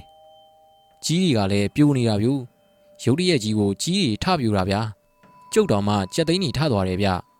။မောင်တာဒီသတိထားဘာမှမကြောက်နဲ့အကွဒီကောင်ကြီးရောက်လာတော့မယ်။ဆရာကြီးဘိုးလူပေကကျုပ်ကိုကြောက်မှဆိုလို့သတိပေးတာဗျ။ကျုပ်ကတော့ကြောက်ဖို့ကိုသတိမရတာပါဗျာ။ဘာတွေဖြစ်မှလဲဆိုတာကိုပဲသိကျင်နေတာဗျ။ဟောမီးအောင်တွေ့တယ်ဗျူ ခြေကားတစ်စီးကတင်းချိုင်းထဲကိုဝင်လာတယ်။ဟာတစ်စီးမဟုတ်ဘူးဗျနှစ်စီးနှစ်စီးကာလီမေတော်ဗိမှန်ရှိမှာပဲခြေကားနှစ်စီးလုံးရက်လိုက်ပြီးတော့ကားပေါ်ကလူတွေဆင်းလာကြတယ်။အပေါ်ဖြူအောက်ဖြူဝတ်ထားတဲ့လူနှစ်ယောက်လည်းပါလာတယ်ဗျ။ခြေကားမီးအောင်မှတွေ့နေရတာအဝိဖြူနဲ့လူနှစ်ယောက်ကဘေးဘက်ဆင်းပြီးတော့ရက်နေတယ်။ဟာကားပေါ်မှာအခေါင်းပါလာတာပဲဗျ။ကျွန်းသားအခေါင်းဗျာပေါ်လေးရောင်ကိုဝင်းနေတာပဲ။ဒါပေမဲ့အခေါင်းကတူတူလေးဗျ။ ကိုနှစ်အရွယ်ကလေးအလောင်းထဲတဲ့အခေါင်းပေါ့ဗျာဟောအခေါင်းကိုမလာတာကလူကိုရောက်ဗျလူချင်းပူးကပ်ပြီးတော့ကိုတဲလာတာဗျဩကွက်တီကိုစီးစင်တာပဲဗျနံပါတ်6တင်းချိုင်းမှာလူကိုရောက်ဝိုင်းပြီးတဲလာတဲ့ကိုနှစ်သားကလေးကိုအရှင်လက်လက်အိမ်မွေချပြီးတော့ည9နာရီတီတီမှာမြေမြုပ်ကြမှာ哦ဘိုးလူပင်နဲ့ဆရာဆိုင်းတော်ဖားကတယောက်နဲ့တယောက်လက်တူပြီးတော့ပြောတယ်ဗျအကူတော်ဖား ဟိုဘက်ကအရက်ရှိရှိကောင်ကအောင်ပင်လေဆရာကျော်ဆိုတဲ့ကောင်ပဲဗျဒီဘက်ကပူပူကောင်ကရေပြာအိုင်ဆရာမြဆိုတဲ့ကောင်ပဲဒီကောင်နှစ်ကောင်ကမိုးညိုရဲ့ဘဲလက်ယုံနဲ့ညာလက်ယုံပဲဗျကဲကျုပ်တို့ထွက်လိုက်ရအောင်အကိုနွန်ဖားကရေပြာအိုင်ကိုလှုပ်ကျုပ်ကအောင်ပင်လေကိုလှုပ်မယ်ကောင်းပြီကိုလူပေတွားပြီဗျဆရာကြီးနှစ်ယောက်ကလမ်းမော်ကိုတက်လိုက်ကြပြီကျုပ်ကလည်းနောက်ကထွက်ပြီးတော့လိုက်ရတာပေါ့ဗျာရေပြာအိုင်ကအရင်မြင်သွားတာဗျ ခြေကားမီးအောင်မှာလမ်းမော်ကိုတက်ပြီးတော့မာမာကြီးတွေရက်နေတဲ့ဆရာနှွန်ဖားနဲ့ဆရာကြီးဘိုးလူပေကိုတွေ့သွားတာအောင်ပင်လေကိုပြောလိုက်တော့အောင်ပင်လေကလည်းလှည့်ကြည့်ရဲ့ဗျယာမစီကဘာအဆက်အသွယ်မှမရတော့တာဓာကြောင့်ကိုငါတို့လူယာမကိုမင်းတို့လှုပ်လိုက်ပြီပေါ့လေငပွားတာကလီကဝါကောင်နဲ့ငပွားအိမ်ကအိမ်ဆောင်ခွေးနှွန်ဖဟဲ့ကောင်မင်းဟာမင်းအောင်ပင်လေဖြစ်ဖြစ်ကျွဲလူအိုင်ဖြစ်ဖြစ်အရေးမကြီးဘူးမင်းတို့ဆရာမိုးညိုကိုလူလောကကနေမောင်းထုတ်လိုက်တာငါနဲ့ငါဆရာကွာ ဒါကိုမင်းဆရာကလူလောကကိုပြန်ဝင်ဖို့ရုပ်ရုပ်မာမာအကြံနေနဲ့ကြံစည်နေတာလွဲမဲထင်လို့လားကွာဆရာကြီးဆိုင်းတော်ဖားကရှေ့ကိုခြေတလန်းတိုးပြီးတော့ပြောတာဗျ။အော်လက်စတတ်တော့ဒိုးဆရာကိုတတ်တဲ့အထဲမှာမင်းမာပါတာကိုရှမ်းကောင်ကြီးဒီနေ့ညတော့မင်းသေးဖို့သာပြင်ထားပြီးတော့အောင်ပင်လေကပြောလိုက်တဲ့အချိန်မှာပဲရေပြိုင်ကသူ့တပည့်တွေကိုလှည့်ပြီးတော့အမိန်ပေးတယ်ဗျ။ဟေးမော်ဆက်ရအောင်မောင်းညိုမင်းဦးဆောင်ပြီးတော့ဆက်လို့ 9နာရီတိတိမှာစီရင်ရမယ်ကြားလားကဝေကိုယောက်ကကိုနှစ်သားလေးရဲ့အခေါင်းကိုတဲပြီးတော့တင်းချိုင်းထဲကိုဝင်သွားတယ်ဗျညနေကတင်းချိုင်းဆောင်လူတွေတူးပေးထားတဲ့မြေချင်းစီကိုတန်းသွားတာပေါ့ဗျာရေပြအိုင်ကဆရာနှုံဖားကိုကြည့်ပြီးတော့စက်တွေကိုစလွတ်တယ်ဗျအောင်ပင်လေကလည်းဆရာဘိုးလူပေစီကိုစက်တွေစလွတ်တယ်ဒါပေမဲ့ဒီစက်တွေကတိတ်ပြီးတော့မပြင်းသေးပါဘူးဗျာရှီပြေးလွတ်တဲ့စက်တွေပဲရှိသေးတာပါဆရာနှုံဖားရောဘိုးလူပေရောရှေ့ကိုခြေနှလန်းတက်ပြီးတော့ လက်ထဲမှာအသိမ့်ကင်ထားတဲ့အင်းနေနဲ့ပြစ်သွင်းလိုက်ကြတာဗျဟာစက်တီကလက်ကနေလက်ကနေဖြစ်ပြီးတော့အပိုင်းပိုင်းပြက်ကုန်ပြီဗျအခိုးအငွေ့တွေပျောက်သွားတော့ရေပြာအန်ရောအောင်ပင်လေရောဖင်ထိုင်ရဲ့လဲနေကြတာဗျာလဲနေရကနေချက်ချင်းပဲထပြီးတော့ပြန်တိုက်ကြတယ်ဗျကဝေနှစ်ယောက်လုံးကစက်တီထပ်ပြီးတော့လွတ်ကြပြီဒီတစ်ခါလွတ်တဲ့ဆက်ကတော့တော်တော်ကိုပြင်းမဲ့ပုံပဲဗျပါဇက်တွေရောမျက်လုံးတွေရောကနေတဝင်းဝင်းနဲ့ထွက်လာတဲ့စက်တွေဗျ အောင်ပင်လေရဲ့စက်တွေကဘိုးလူပေစီကိုတန်းဝင်လာပြီးတော့ရေပြာအန်ရဲ့စက်တွေကဆရာနုံဖစီကိုတန်းဝင်သွားတာဗျဆရာနုံဖရောဘိုးလူပေရောစက်တွေကိုပြန်လွှတ်တယ်ဗျအထက်လန်းစက်တွေနဲ့အောက်လန်းစက်တွေတော့ထိတ်တိုက်တွေးပြီပေါ့ဗျာဝုံကနေအတန်ကြီးထွက်သွားပြီးတော့ကဝေနှစ်ယောက်ကနောက်ကိုခြေနှလန်းလောက်ဆုတ်သွားတယ်ဗျဒါပေမဲ့သူတို့ရဲ့အစွမ်းတွေကိုထပ်မြင်ပြီးစက်တွေကိုအားထပ်ဖြည့်ပုံရတယ်ဗျဒီတခါတော့ဘိုးလူပေရောဆရာနှွန်ဖာရောနောက်ကိုခြေတလန်းစီဆုတ်လိုက်ရတယ် ငါဆရာကိုတတ်တဲ့ကောင်မင်းကိုငါဒီညပြန်တက်မယ်ကွရေးပြအိုင်ကဝေကြီးကအန်ကျရင်းနဲ့ကျင်းလိုက်တယ်ဗျကဝေကြီးမိုးညိုကိုရှင်းတော့ကပထမန်ဆရာပွားကြီးနဲ့အတူတူဆရာနှွန်ဖပါပါတာဟုတ်ဗျဆရာနှွန်ဖကတော့ကဝေဒေါသဖြစ်လေကြိုက်လေဆိုတဲ့ပုံစံပဲဗျစက်တီထိတ်တိုက်ပြီးအားရီထုတ်နေကြတာဗျခဏနေတော့ဆရာကြီးတွေရဲ့ဆက်ကအယောင်တွေပူတောက်လာပြီးလင်းကနေလင်းကနေဖြစ်လာတယ်ဗျ ကဝေကြီးနှစ်ယောက်ကလည်းသူတို့ရဲ့ဆက်တွေကိုအားထည့်ပြီးတော့တိုက်နေကြတယ်ဗျခဏနေတော့ဝုံကနေအတန်ကြီးထပ်ထွက်လာပြီးကဝေကြီးနှစ်ယောက်ကနောက်ကိုသုံးပေလောက်လွင့်သွားရောဗျမြေကြီးပေါ်ကိုဖင်တာရဲ့လဲကြကုန်တာဗျအဲ့ဒီအချိန်မှာပဲကင်းတန်ချောင်းခောက်တဲ့အတန်ကိုကြားရတယ်ဗျည9နာရီထိုးပြီပေါ့ဗျာမော်ဆက်ရောင်မောင်ညူဆိုတဲ့ကဝေကြီးဥဆောင်ပြီးတော့ကလေးရဲ့အခေါင်ကိုမြေမြုပ်လိုက်ကြပြီထင်တယ်ဗျကဝေနှစ်ယောက်ကလည်းပြန်ထလာကြတယ်ထုတ်ပြန်ပြီဗျ နှစ်ယောက်စလုံးစက်တီထပ်ပြီးတော့ထုတ်ကြပြန်ပြီဆရာနွန်ဖားနဲ့ဘိုးလူဝေကတယောက်နဲ့တယောက်မတိမတာကြည့်လိုက်ပြီးတော့ခေါင်းငိမ့်ပြကြတယ်ပြီးတာနဲ့လွယ်ထားတဲ့လွယ်တီတွေကအင်းတစ်ချက်စီထုတ်ပြီးတော့ကင်ထားကြတယ်ဟာဒီတစ်ခါကဝေထုတ်တဲ့ဆက်ကအတန်မှမြည်တာဗျကျုပ်ကြုံဘူးသမျှထဲမှာအတန်မြည်တဲ့ဆက်ဆိုတာဒီတစ်ခါပဲတွေးဘူးတာဗျဟောပြေးဝင်လာပြီဗျစက်တွေကအယောင်တဝင်းဝင်းနဲ့ဆရာကြီးစီကိုပြေးဝင်လာပြီဆရာကြီးတွေကလက်ထဲကအင်းနဲ့ပြစ်ချလိုက်ပြီဗျာ ဟာစက်ရောင်တွေကိုချက်ချင်းပျောက်သွားတာဗျကျုပ်စိတ်ရထင်တော့ကဝေဆက်ဖြတ်ရင်လို့ထင်နေဗျရေးပြအန်ရောအောင်ပင်လေရောလွေးတီတွေကိုနှိုက်ပြီးတော့မန်နန်နီရွတ်နေတယ်ဟာတိုက်နွားတွေဗျနွားနဲ့ကြီးနှကောင်ဘွားကနေပေါ်လာတာဗျ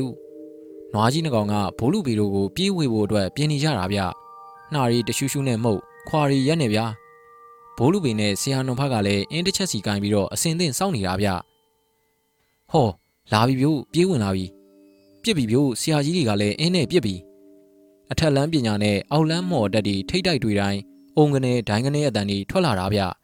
ဒီပညာတွေကမမြင်ရပေမဲ့အစွမ်းကတော့အတော်ကြီးတာဗျို့ဟာသွားပြီဗျို့သွားပြီ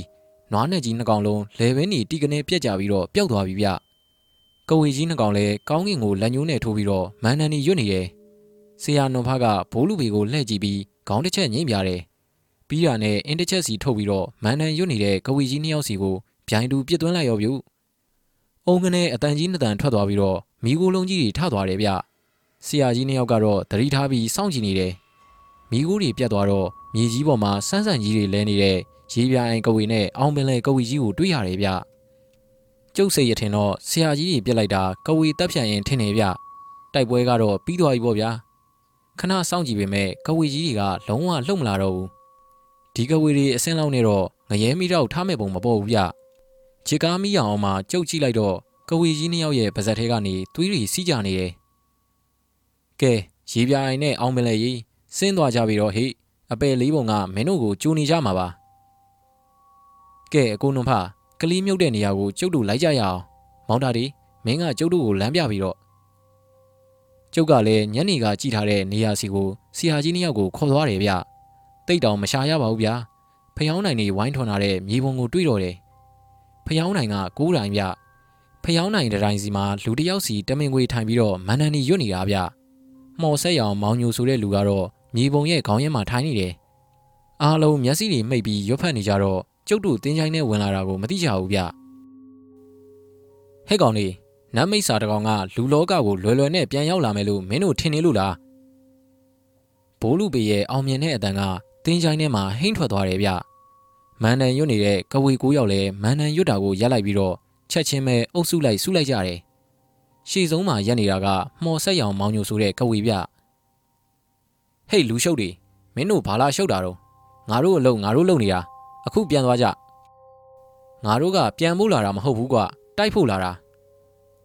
ဆရာနွန်ဖားကတော့ခက်ပြက်ပြက်ပဲပြောလိုက်တာဗျူကဝေတွေကလည်းသူတို့ဆက်တွေကိုထုတ်ကြတယ်ဗျ ဒီကဝေတွေကအစင်သိမ့်မမြင်တော့သူတို့ဆက်တွေကလည်းတိတ်မပြင်းဘူးဗျဒါပေမဲ့ဒီလူတွေကသူတို့ရဲ့ဆက်တွေကိုပေါင်းပြီးတော့တိုက်တဲ့ပုံစံမျိုးဆက်တွေပေါင်းလိုက်တော့တော်တော်ကိုအယောင်ကြီးတောက်သွားတယ်ဗျကဝေဆက်တွေပေါင်းထားတဲ့ကိုးပင်လင်ဆက်ကဆရာကြီးတွေစီကိုတလက်လက်နဲ့ဝင်လာတာဗျဆရာဆိုင်တော်ဖာရောဘိုးလူပေရောအင်းတစ်ချက်စီကင်ထားတယ်ဗျဆက်တီရှိကိုတိုးလာတာနဲ့ရှီတလန်တိုးပြီးတော့အင်းနေကိုပြန်ပြေးကြတယ်။ဗျိုင်းတူပြစ်လိုက်တဲ့အင်းနေကအယောင်တွေတဝင်းဝင်းနဲ့ပြေးဝင်သွားတာဗျ။ ဟာသွားပြီဗျာ။ကိုးပင်လိန်ဆက်တွေအပိုင်းပိုင်းပြက်ပြီးတော့ကဝေကိုးယောက်လုံးဖင်ထိုင်ရက်တွေလဲသွားပြီဗျ။ကဝေတွေတတိလက်တလို့ဖြစ်သွားပုံရတယ်။ခဏငြိမ်သွားပြီးတော့မှပြန်ပြီးကုန်းထားလာတယ်။ပြီးတာနဲ့တင်းချိုင်းဘက်ကိုထွက်ပြေးတော့တာဗျ။မော်ဆက်ရောင်ဆိုတဲ့ကဝေတယောက်ပဲမတ်တက်ရက်ပြီးတော့ကြံခဲ့တာဗျာ။အော်သူ့ရဲကောင်းကြီးကမပြေးပဲကြံနေတာ哦အေးမှတ်ထားငါနာမည်မှော်ဆက်ရောင်ဆေးဟာညိုတဲ့ မင်းတို့ကိုသူသေးကိုသေးတိုက်မဲ့ကောင်ဆိုတာမှတ်ထားကွာဘိုးလူဝေကဆေးဟာနွန်ဖကိုဖယ်ခိုင်းလိုက်ပြီးတော့သူတယောက်တည်းတိုက်ဖို့ပြင်လိုက်တယ်ဗျမှော်ဆက်ရောင်ဆေးဟာညိုကသူ့ရဲ့လက်ဝါးနှစ်ဖက်ကိုပုတ်နေတယ်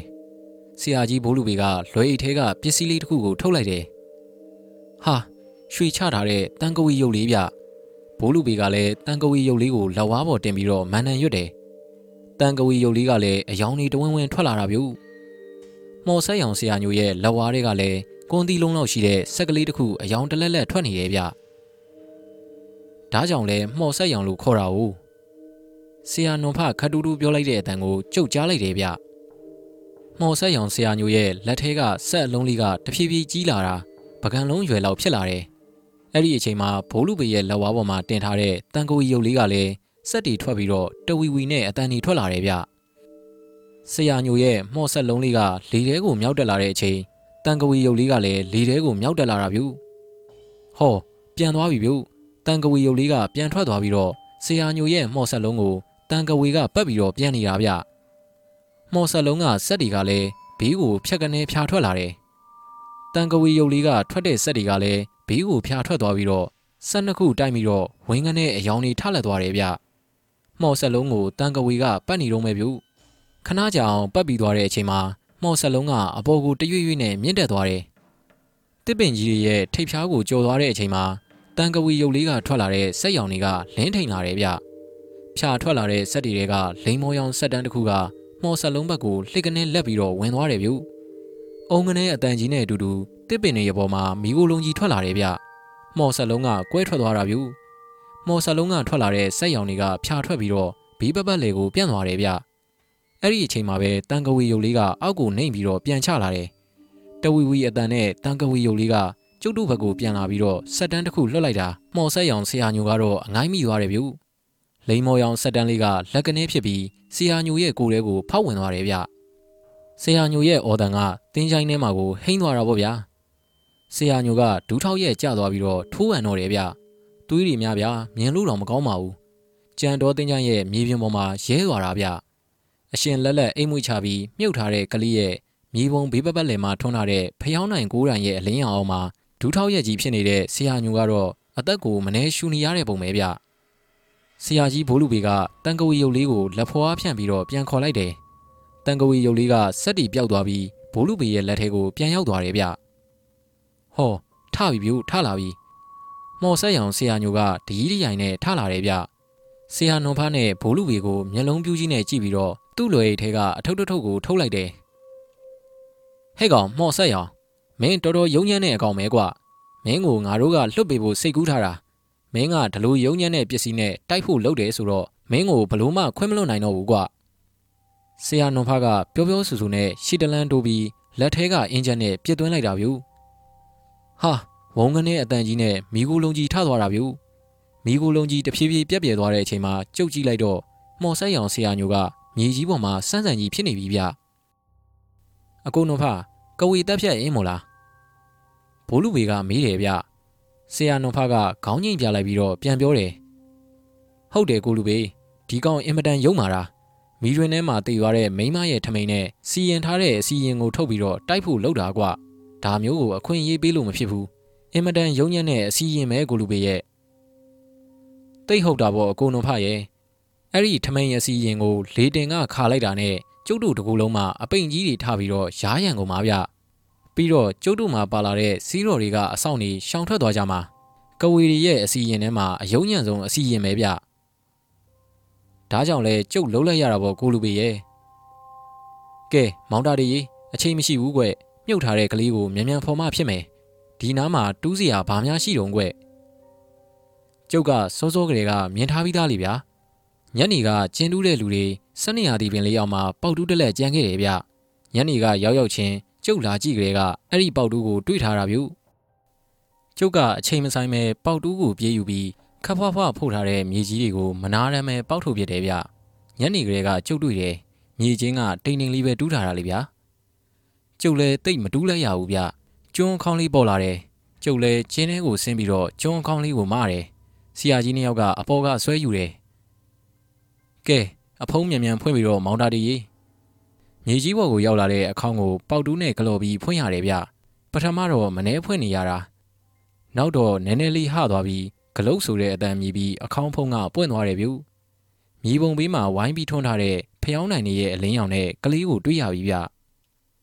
ဟာချစ်စရာကောင်းလေးဗျအသားဖြူဖြူရုပ်ချောချောလေးဗျ ဘိုးလူဘေကသူ့ရဲ့လွယ်ထဲကရေစင်မလင်းကိုထုတ်ပြီးတော့မြန်မြန်ဖွင့်တယ်ပြီးတာနဲ့ကလေးရဲ့မျက်နှာကိုရေစင်နဲ့တောက်ပြီးမန်နန်တပုတ်ရွတ်လိုက်တယ်ဟောလှုပ်လာပြီဗျလှုပ်လာပြီကောင်လေးကလန့်ပြီးတော့နိုးသွားတယ်ဗျသူ့ကိုထည့်ထားတဲ့အခေါင်းထဲမှာပဲစက်ကနေထားထိုင်နေမျက်လုံးပြူးပြူးလေးနဲ့ဟိုကြီးတီကြီးလုံနေတယ်ဗျ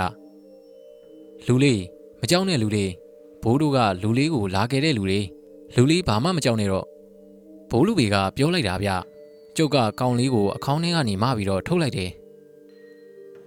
လူလေးနာမည်ကဘလူးခေါ်တော့ဆရာနှုံဖားကမေးလိုက်တာဗျကျုပ်နာမည်ကမိုးညိုပါဟာမိုးညိုဆိုပါလားဆရာကြီးနှစ်ယောက်ကတယောက်နဲ့တယောက်ကြည့်ပြီးတော့ခေါင်းငိမ့်လိုက်ကြတယ်ဗျကဲမောင်တာဒီအခေါင်းကိုပြန်ဖုံးလိုက်ွက်ပြီးရင်မြေချင်းနဲ့ပြန်ထည့်ပြီးတော့မြေပြန်ဖို့ထားလိုက်ဟုတ်ကဲ့ဆရာကြီး ကျုပ်ကလည်းအခေါင်းကိုအဖုံးပြန်ဖုံးတယ်ပြီးတော့ကျင်းထဲကိုအခေါင်းပြန်ထည့်ပြီးမြေပြန်ဖို့လိုက်တယ်ဗျဘိုးလူဘေကကလေးရဲ့လက်ကိုကင်ထားတယ်ဗျကလေးကတော့သူ့ကိုယ်သူဘာဖြစ်မှန်းမသိပဲကျုပ်လုံနေတာတွေကိုကြည့်နေရပါဗျာ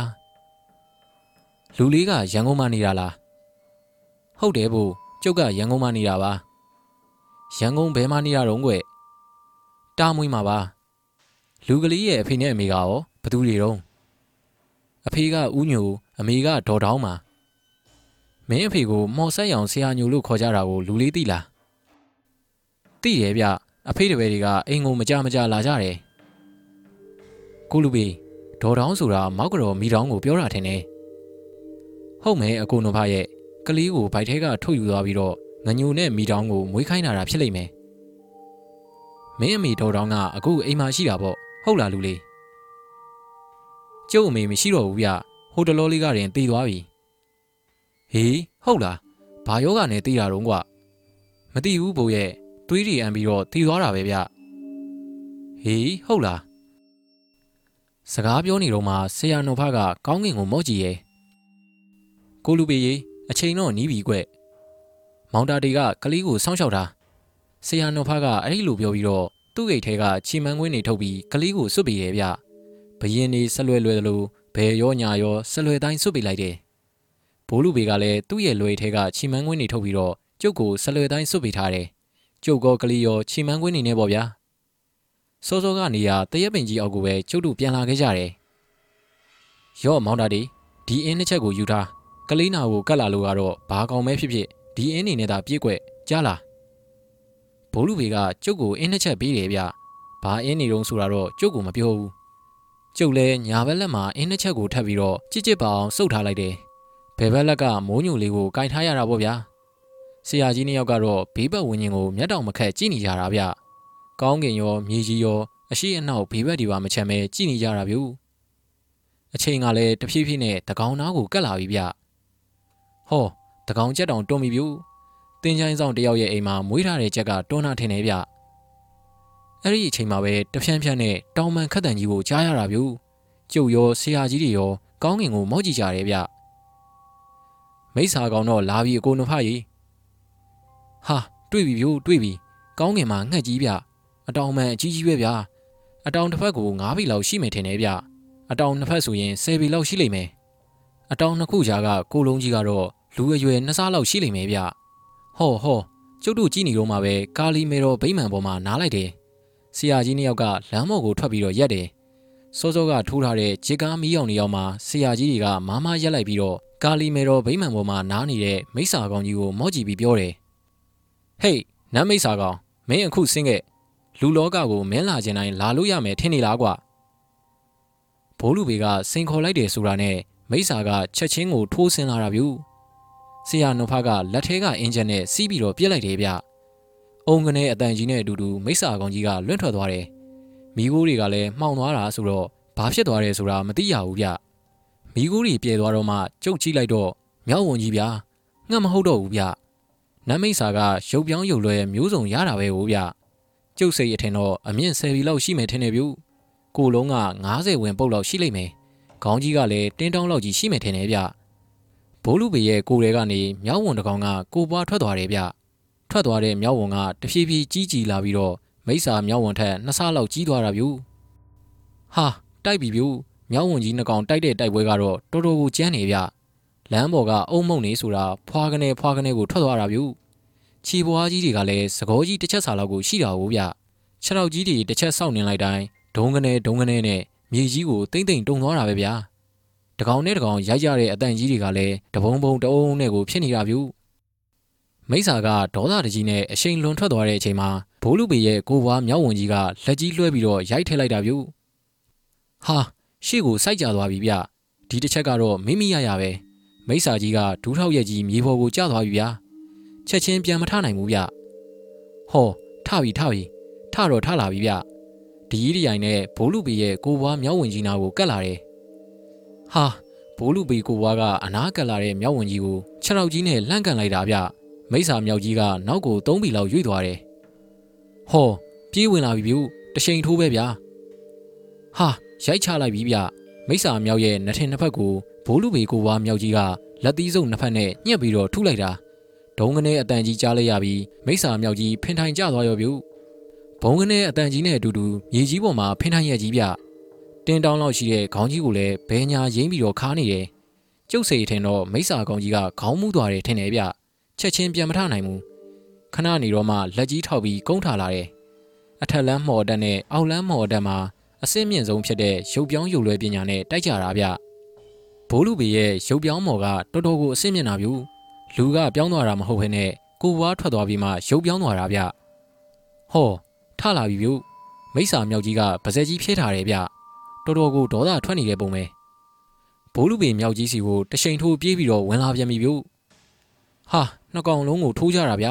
လက်သီးကြီးတွေစုပ်ပြီးတော့တကောင်နဲ့တကောင်အပြန်အလှန်ထိုးနေကြတာဗျ တကောင်ရဲ့လက်သီးကိုတကောင်ကမရှောင်မဲနဲ့အထိုးခံပြီးတော့ကိုပြန်ထိုးကြတာဘားတပြန်ကြားတပြန်ပဲဗျတကောင်နဲ့တကောင်မနာတန်းကိုထိုးကြတာဗျဒါပေမဲ့ဘိုးလူပေရဲ့မြောက်ကမိစ္ဆာမြောက်ထက်နှစ်ဆလောက်ကြီးတာပဲဘိုးလူပေမြောက်တစ်ချက်ထိုးလိုက်ရင်မိစ္ဆာမြောက်ကနောက်ကိုရိုင်းထွက်သွားတာဗျဒါပေမဲ့မိစ္ဆာကလည်းနည်းနည်းမှကိုမလျှော့ပဲပြန်ထိုးတာဗျဟာကြိုက်ပြီဗျအလဲမှာဝင်ကြိုက်တာဗျာမိစ္ဆာမြောက်ကြီးကဘိုးလူပေမြောက်ကြီးရဲ့လက်မောင်းကိုဆွဲပြီးတော့ကြိုက်တာဗျ ဘိုးလူပေမြောက်က အကြိုက်ခံထားရတဲ့လက်ကိုမယုံမဲထိုးပိထားပြီးတော့မိစ္ဆာမြောက်ရဲ့ခေါင်းကိုကြံတဲ့လက်တစ်ဖက်ကလက်သီးကြီးနဲ့ဒရဇက်ထူတော့တာဗျမိစ္ဆာမြောက်ကလည်းကြိုက်ဘိုးလူပေမြောက်ကလည်းထုနဲ့ကြာလာတော့မိစ္ဆာမြောက်ကြီးမခံနိုင်တော့ဘူးဗျမြေကြီးပေါ်ကိုခြေလွတ်လက်လွတ်ပြုတ်ကျသွားတယ်ဒီတော့မှပဲဘိုးလူပေမြောက်ကမိစ္ဆာမြောက်အကြိုက်ခံရတဲ့နေရာကိုလက်ဝါးကြီးနဲ့တက်ချလိုက်တာအယောင်တွေကိုတလက်လက်ထွက်သွားတာဗျာမိစ္ဆာမြောက်ကလဲနေရာကနေကုန်းပြီးတော့ထလာပြန်ပြီဗျဟော နောက်ကိုဆုတ်သွားလိုက်တာတဖြည်းဖြည်းနဲ့ကာလီမေတော်ဗိမာန်နာကိုတော့ရောက်သွားတာဗျဟာပျောက်သွားပြီဗျမိစ္ဆာမြောက်ကြီးဖြက်ကနေပျောက်သွားပြီဘိုးလူပေမြောက်လည်းပျောက်သွားပြီဗျဒီတော့မှဘိုးလူပေရောဆရာနှဖရောလိုက်ရှာကြတော့တာဗျဒါပေမဲ့မိစ္ဆာမြောက်ကိုလုံးဝကိုရှာလို့မရတော့ဘူးမောင်တာဒီမင်းမျက်ကွင်းစီကွင်းလာလားဟုတ်ကဲ့ဆရာကြီးကွင်းလာပါတယ်ဒါဆိုရင်ကြည်စမ်းကွယ်မိစ္ဆာကောင်ဘယ်သွားလဲမသိဘူးကွ ကျုပ်ကလည်းပတ်ဝန်းကျင်ကိုလိုက်ကြည့်ရပဲဗျ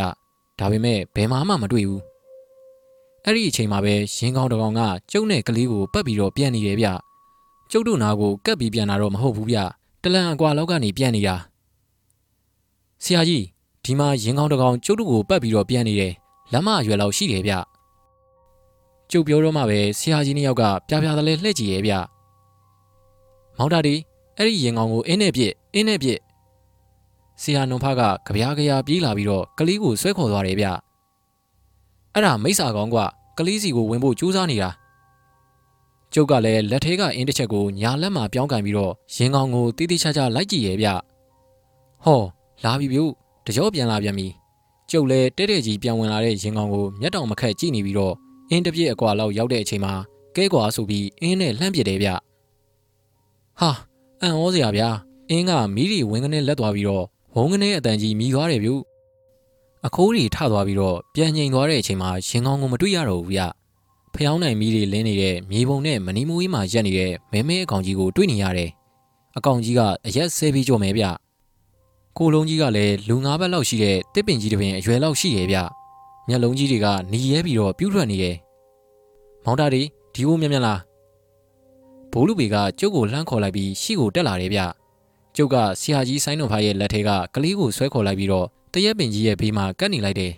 ကြံနေတဲ့အင်းတစ်ချက်ကိုညာဘက်လက်မှာချစ်ချစ်ပအောင်စုပ်ထားတာပေါ့ဗျာမိစ္ဆာငကိုရုပ်ပေါ်လာပြီကွဆရာတော်ဖားကကျုပ်ကိုလှမ်းပြောလိုက်တာဗျမိစ္ဆာကပါဇက်အကြီးကြီးကိုအကျေကြီးဟပြီးတော့မီးရီတလက်လက်နဲ့ပါဇက်ထဲမှာတောက်နေတယ်ကျုပ်လည်းအခုမှပဲနတ်မိစ္ဆာရဲ့ဆက်ကိုတွေ့ဘူးတော့တာဗျူဟောလွတ်ပြီဗျူလွတ်ပြီမိစ္ဆာဆက်တွေလွတ်ပြီဗျူ ဆက်တွေကဆရာကြီးနှစ်ယောက်စီကိုတန်းပြီးတော့ဝင်လာတာဗျဆရာကြီးနှစ်ယောက်ကရင်မောင်တန်းပြီးတော့ရက်နေကြတယ်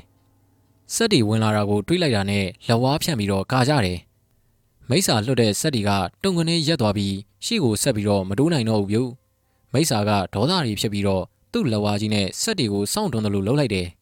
ဆရာကြီးနှစ်ယောက်ကလည်းသူ့တွန်းတယ်လို့ပဲလက်ဝါးတွေနဲ့ဗျိုင်းတူပြန်ပြီးတော့စောင့်တွန်းလိုက်တယ်ဗျနှစ်ဖက်ပြိုင်တွန်းလိုက်တဲ့အချိန်မှာဆက်တွေကမီးရောက်ကြီးလိုထပြီးတော့ ကောင်းငင်ကိုတက်သွားရောဗျူဝါးနှစ်ရိုက်လောက်အမြင့်ကိုရောက်တော့မှမီးရောက်ကြီးကပျောက်သွားတာဗျာမိစ္ဆာကချက်ချင်းပဲထပ်ပြီးတော့ဆက်တွေလွတ်တယ်ဒီတစ်ခါလွတ်တဲ့ဆက်တွေကတော့ပါဇက်ကရောမျက်လုံးကနေပါပြိုင်လွတ်တာဗျဆက်ကလည်းหนีရဲနေတာပဲဒီဆက်နဲ့ထိလို့ကတော့လွယ်မယ်မထင်ဘူးဗျဘိုးလူပင်နဲ့ဆရာနုံဖားကလည်းပြေးဝင်လာတဲ့ဆက်တွေကိုဗျိုင်းတူပဲရိုက်ထုတ်လိုက်ကြတယ်ဟာဆက်တွေကအပိုင်းပိုင်းကိုပြတ်သွားတာဗျာ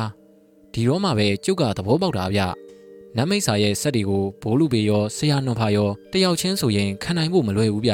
အဲ့ဒါကြောင့်နှစ်ယောက်ပေါင်းပြီးတော့ဆင်းလာကြတာဗျနှစ်ယောက်ပေါင်းမော်ဆွမ်းနဲ့ကာကွယ်နေရတာဗျမိတ်ဆာကလက်ဝါးနှစ်ဖက်ကိုပုတ်တယ်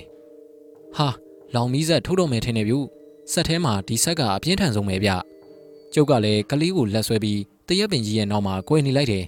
ဒီဆက်မျိုးထိလို့ကတော့တကူလုံးမီးတွေထတောက်ပြီးပြာဖြစ်သွားမှသိကြတယ်ဗျ တရက်ပင်ရဲ့နောက်ကနေကျုပ်ချောင်းကြည့်လိုက်တော့မိစ္ဆာပုတ်နေတဲ့လက်ဝါးကြီးနှစ်ဖက်ထဲမှာချင်းလုံးအရွယ်လောက်ရှိတဲ့မီးလုံးကြီးကိုတွေ့ရတယ်ဗျဆရာကြီးနှစ်ယောက်ကလည်းသူတို့လက်ဖွားတွေကိုပုတ်နေကြတာသူတို့လက်ဖွားထဲမှာလည်းကျုပ်အရွယ်လောက်အလင်းလုံးလေးတွေဖြစ်လာပြီမိစ္ဆာကဆရာကြီးတွေရဲ့တတိအလစ်ကိုစောင့်နေတာဗျကျုပ်ကိုဘိုးလူပေကတခါပြောဦးတယ်ဒီလိုအချိန်မှာသူတို့ရဲ့စိတ်ကနည်းနည်းလေးမှရွေးလို့မရဘူးလေဗျတတိကိုပြစ်မဲ့ဆက်ပေါ်မှာကတ်ထားပြီးမန်နန်ကိုစိတ်ထဲကနေရွတ်နေရတာဆိုပဲ ဟောနတ်မိတ်စာကပြစ်ပြီးပြူသူ့လက်ထဲကမီးလုံးနဲ့ဆရာကြီးတွေကိုလှမ်းပြီးတော့ပြစ်လိုက်ပြီဆရာကြီးတွေကလည်းသူတို့လက်ထဲကလောင်မီးဆက်တွေကိုဗျိုင်းတူပဲပြစ်လွတ်လိုက်ပြီပြူစက်တီကမျက်နှာချင်းဆိုင်တွေးကုန်ကြပြီဗျအုံကနေအတန်ကြီးထွက်လာပြီးမီးလုံးကြီးတစ်လုံးကကောင်းကင်ကိုထိုးတက်သွားတယ်ဟောအလင်းရောင်ကတဖြည်းဖြည်းမှိန်လာပြီးပျောက်သွားပြီယူမိစ္ဆာရဲ့လောင်မီးဆက်ပျောက်သွားပြီပေါ့ဗျာမိစ္ဆာကဒေါသတွေအကြီးအကျယ်ထွက်ပြီးတော့ရဲရဲနေနေတဲ့မျက်လုံးကြီးတွေနဲ့ ဆရာကြီးတွေကိုစားတော့ဝါတော့မလို့ကိုကြည်နေတာဗျနမ်းမိစ္ဆာကြီးကသူ့မနိုင်တော်မှန်ရိမ့်မိတဲ့ပုံပဲကလေးနဲ့ဝိညာဉ်လဲမဲ့အချိန်လဲကြော်သွားပြီလေဗျာကြံရမရတဲ့အဆုံးမှာတော့နမ်းမိစ္ဆာကြီးကငှက်ကြီးတစ်ကောင်ဖြစ်သွားပြီးချက်ချင်းပဲထိုးတက်သွားတယ်ဗျဘိုးလူပေနဲ့ဆရာနုံဖားတို့ရဲ့ကိုဝါးတွေကချက်ချင်းထွက်ပြီးမိစ္ဆာငှက်ထက်နှစ်ဆလောက်ကြီးတဲ့ငှက်ကြီးတွေဖြစ်သွားကြတယ်။ဟောလိုက်ပြီပြို့လိုက်ပြီရှေ့ကပြန်ထွက်သွားတဲ့မိစ္ဆာငှက်ကြီးရဲ့နောက်ကို ဆရာကြီးတွေရဲ့ကိုဝါငှက်တွေကလိုက်သွားကြပြီဗျ။ကောင်းကင်မှာကလာမတာတော့ကျေအောင်ပဲရှိတာပေါ့ဗျာ။ဟာမိသွားပြီပြို့မိသွားပြီ။ဟာမိစ္ဆာငှက်ကြီးကနောက်ကလိုက်လာတဲ့ငှက်တွေကိုခြေထောက်တွေနဲ့စောင့်ကန်နေဗျ။နှုတ်သီးနဲ့လည်းပေါက်တယ်။ဟောငှက်ကြီးတွေကမျက်နှာချင်းဆိုင်တွေးကြပြီပြို့အတောင်ပံကြီးတွေခတ်ပြီးတော့နေရာမှာရင်ရက်နေရတာဗျအဲ့ဒီအချိန်မှာပဲမိစ္ဆာငှက်ကြီးရဲ့ပါဇက်ထဲကစက်တန်းကြီးထွက်လာပြီးတော့ဆရာကြီးကြီးစီကိုလွတ်တယ်ဗျဟော ရှောင်းမီပြို့ဆရာကြီးကြီးကတောင်ပံကြီးတွေခတ်ပြီးတော့ဘေးကိုပြန်ထွက်သွားကြတယ်မိစ္ဆာငှက်ရဲ့ပါဇက်ထဲကထပ်ပြီးတော့စက်တန်းတွေလွတ်ပြန်ပြီဗျာဆရာကြီးတွေကတော့အောက်နှိမ့်ဆင်းလိုက်ဘေးဘက်ကိုလှည့်ထွက်လိုက်နဲ့သတိထားပြီးတော့ရှောင်းနေရတာဗျရှောင်းရင်းနဲ့မိစ္ဆာငှက်ကြီးရဲ့နောက်ကျောဘက်ကိုဆရာကြီးတွေရောက်သွားကြတယ်မိစ္ဆာငှက်ရဲ့ကြောကုန်းကိုဆရာကြီးတွေကနှုတ်သီးကြီးတွေနဲ့ဝင်ပေါက်ကြတာဗျမိစ္ဆာငှက်ကအောက်ကို3000လောက်ပြုတ်ကျလာတယ်ဗျဒါပေမဲ့မိစ္ဆာငှက်ကပြန်နှုံးမြင့်ပြီးထွက်ပြေးသွားပြန်တယ် ဆရာကြီးတွေလည်းနောက်ကလိုက်ကြရတာပေါ့ဗျာဟောမိစ္ဆာငှက်ကဘေးကိုလမ်းကြောင်းပြောင်းပြီးပြန်နေဗျကျုပ်တို့ဘက်ကိုပြန်ရောက်လာပြီဟာဆရာကြီးတွေဆက်လွတ်ပြီပြုစက်တွေကိုဗျိုင်းတူလွတ်ကြတာဗျဖြူဖွေးပြီးအယောင်တောက်နေတဲ့စက်တန်းတစ်ခုကရှေ့ကပြန်နေတဲ့မိစ္ဆာငှက်ကိုတဲ့တဲ့ထိပြီပြုဟာမိစ္ဆာငှက်ကြီးတစ်ခုလုံးမိရီထထောက်ရောဗျာကြလာပြီဗျကြလာပြီကာလီမေရောဗိမှန်ရှိကိုပြုတ်ကြတာပြုမြေကြီးပေါ်မှာငှက်ကြီးကမိရီလောင်းနေတာဗျ ဆရာကြီးနှစ်ယောက်ကတော့သူတို့ကိုယ်တွေရှေ့မှာပြန်ဆင်းလိုက်ကြပြီဟာငှက်ကြီးတွေပျောက်သွားပြီဗျဆရာကြီးတွေကလမ်းဘက်ကိုပြေးထွက်လာပြီးကာလီမေတော်ဗိမှန်ဘက်ကိုသွားကြတယ်ကျုပ်ကတော့ကလေးကိုလက်ဆွဲထားပြီးတရက်ပင်ကြီးအောက်ကနေပဲကြည်နေရတာပေါ့ဗျာအဲ့ဒီအချိန်မှာပဲနောက်ထပ်မီးတော့ကြီးတစ်ခုထပ်ပြီးတော့တောက်သွားတယ်ဗျဒါငရဲမီးတော့ပဲမီးတော့ထဲမှာတွန့်လိန်နေတဲ့မိစ္ဆာကြီးကငှက်ပုံစံကနေသူ့ရဲ့ငကိုပုံစံနတ်မိစ္ဆာကြီးပုံပြန်ပေါ်လာပြီးလူးလွန်အော်ဟစ်နေတော့မှပဲ နောက်ထပ်မီးတော့ကြီးကထတောက်တာဗျနောက်ထပ်ထတောက်တဲ့မီးကငရဲမီးဆိုတော့ပူလိုက်တာဗျကျုပ်နေရာထီတောင်အပူလာဟက်တယ်ဗျဆရာကြီးတွေတောင်ပူလို့အနောက်ကိုဆုတ်လာပြီနတ်မိတ်စာကြီးရဲ့အော်ဒန်ကကြံတော်တင်းချိုင်းတစ်ခုလုံးကိုဟိမ့်ထွက်သွားတာဗျကျုပ်စိတ်ရထင်တော့ဟန်တာဝရီဘက်လှဲရန်ဘက်တွေကတော့နတ်မိတ်စာကြီးရဲ့အော်ဒန်ကိုကြားရလိမ့်မယ်ထင်တယ်ဗျဟာသွားပြီဗျို့နတ်မိတ်စာကြီးမိုးညိုကိုငရဲမီးကြီးကဆွဲချသွားပြီမီးတွေအလုံးမြေကြီးရဲ့ကိုဝင်ပြီးတော့ပျောက်သွားတာဗျ စောစောကမီးတော့ကြီးထားတဲ့နေရာမှာပြားတော့မကျင်ခဲ့ဘူးလေဗျာနတ်မိတ်စာကြီးမိုးညိုကိုငရဲမီးတော့ကြီးကအဝီစီငရဲကိုဆွဲခေါ်သွားပေမဲ့ကျုပ်လက်ထဲမှာတော့မျက်လုံးအပြူသားနဲ့ကြောက်လန့်တကြားကြည့်နေတဲ့မုံညိုလေးရှိနေတာပေါ့ဗျာမုံညိုရဲ့မင်းကန်ကောင်းပြီလို့ပေါ့ကွာဆရာကြီးတွေသာလာပြီးမကယ်ရင်မင်းကိုယ်လေးကိုအဲ့ဒီနတ်မိတ်စာကြီးဝင်သွားပြီကွာကျုပ်ကမုံညိုကိုပြောလိုက်ပေမဲ့မုံညိုကတော့ဘာကူမှနားလေတဲ့ပုံမရှိဘူးဗျကျုပ်ကပဲမော့ကြည့်နေတယ် ကျုပ်တို့တွေအလာတုံးကတော့၃ယောက်အခုပြန်တော့၄ယောက်လေဗျာဟန်တာဝရီရဲ့ဝိုင်းနာကသုံးမိန်းတစ်စီးကိုလက်ထားပြီးဗဟန်းဖုန်ကြီးเจ้าကိုကျုပ်တို့ပြန်ခဲ့ကြတယ်ဖုန်ကြီးเจ้าရောက်တော့မနက်3နာရီထိုးနေပြီဆရာတော်ကတညလုံးမကြိမ်ပဲကျုပ်တို့ကိုမြတ်တာပို့ပေးနေတာတဲ့ဗျကျုပ်တို့နဲ့ပါလာတဲ့ကလေးကိုဆရာတော်ကစီးပွေပြီးတော့မြတ်တာပို့ပေးနေတယ်ကျုပ်တို့လည်းမအိကြတော့ပါဘူးဗျာခဏကြာတော့ကိုရင်နေဦးစင်းနေအိယာကနိုးလာကြပြီးအာယုံအတွက်ပြင်ကြဆင်ကြတယ် ကျုပ်တို့ကိုလည်းရင်းနှွေးရံပွဲပြင်ဆင်ပေးတယ်။ကျုပ်ကတော့ငကားစီးပွားလေးလေးတစ်လိပ်ဖွာလိုက်တယ်။ကလေးကတော့ကျုပ်ရဲ့ပေါင်ပေါ်မှာခေါင်းပြီးခွေခွေလေးအိပ်ပျော်နေရဲ့ဗျ။ဗဟန်ဘုံကြီးကျောင်းမှာကျုပ်တို့တွေတရက်နားကြတယ်။ဘိုးလူဘေကကလေးကိုသူ့ဘဝအမှန်ပြောပြတော့ကလေးကငိုတယ်ဗျ။သူ့အဖေရင်အမေရင်တွေကိုတွေးရှင်တယ်လို့ပြောရှာတယ်။နောက်တနေ့မှာပဲကလေးရဲ့မိဘတွေရှိတဲ့မြို့ကိုကျုပ်တို့ခရီးဆက်ခဲ့ကြတယ်။မြို့ကလေးကိုရောက်တော့ဦးလှတို့ဒေါ်လေးတို့တိုက်ကိုရှာရတာပေါ့ဗျာ။ မြို့မျက်နှာဖုံးတထေးကြီးဆိုတော့ရှာရတာလွယ်ပါတယ်အံ့ဩစရာပါဗျာဦးလာတို့ဒေါ်လေးတို့ကထူးထူးဆန်းဆန်းဘိုက်ထဲမှာတင်ပျောက်သွားတဲ့မြီးလေးကိုရည်စူးပြီးတော့ကလေးရဲ့မွေးနေ့မှာတစ်နေ့တစ်ခါအလှလုပ်ကြရတယ်တဲ့ဗျကျုပ်တို့ရောက်သွားတဲ့နေ့ကကလေးကိုနှစ်ပြည့်တဲ့နေ့ဆိုရဲအားလုံးလူစုံတက်ဆုံရှိနေကြတာပေါ့ဗျာကလေးရဲ့မိဘတွေဖြစ်တဲ့ကိုစိန်ပန်းနဲ့မလှလေးစိန်ရောကိုစိန်ပန်းရဲ့မိဘတွေဖြစ်တဲ့ဦးစိန်တို့ဒေါ်ပန်းတို့ရောရောက်နေကြတာဗျဆရာကြီးဆိုင်းနှုံဖာနဲ့ဘိုးလူပေတို့က အဖြစ်အပျက်တွေအားလုံးပြောပြလိုက်တဲ့အခါကျတော့အားလုံးအံ့အားသင့်သွားကြပြီးပါဇက်အဟောင်းသားတွေနဲ့မုံညိုလေးကိုဝိုင်းကြည့်နေကြတာပေါ့ဗျာဒီမှာရင်မဲ့မအေးလုတ်တဲ့မက်လာလေးစင်ကကလေးကိုပြေးဖက်ပြီးငိုတော့တာပဲဗျဘိုးရီဘွားရီတွေကလည်းငိုကြလို့ပေါ့ဗျာမိုးညိုကလည်းလူချောလီဗျဘိုက်ထဲမှာကလေးကပျောက်သွားတဲ့သူလူသားလေးကိုကိုနှစ်ပြေတော့မှတွေ့ရတဲ့မိဘတွေဆိုတော့ချစ်လို့ကိုမဝနိုင်ကြဘူးပေါ့ဗျာ။အော်ထူးဆန်းတာပြောရအောင်မယ်ဗျ။ မက်လာလေးစိန်မှာဒီကလေးကိုဝင်ပျောက်သွားပြီးတဲ့နောက်မှာနောက်ထပ်ကလေးမရတော့ဘူးလေဗျ။မိုးညိုလေးကသူတို့ရဲ့တူရဲတော်သားလေးရဲ့ဗျာဒီတော့လဲယူမတက်ဖြစ်ကြတော့တာပေါ့ဗျာနောက်ဆုံးတော့ဆရာကြီးတွေကဒီကလေးကိုနာမည်ပြန်မှဲ့ဖို့ပြောတယ်မိုးညိုဆိုတာကကဝီရီပေးထားတဲ့နာမည်ဖြစ်နေလို့မမဲဖို့ပြောရတာပေါ့ဗျာ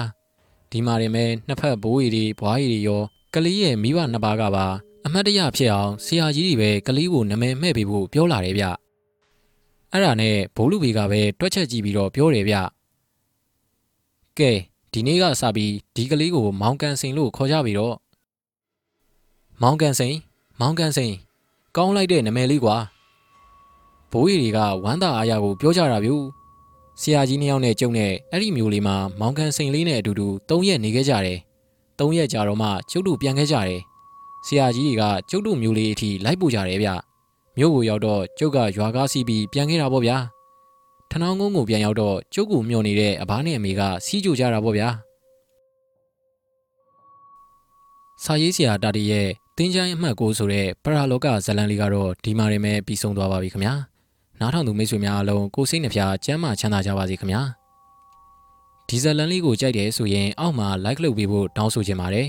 အားလုံးပဲအိမ်မက်လှလှမကြပါစေ။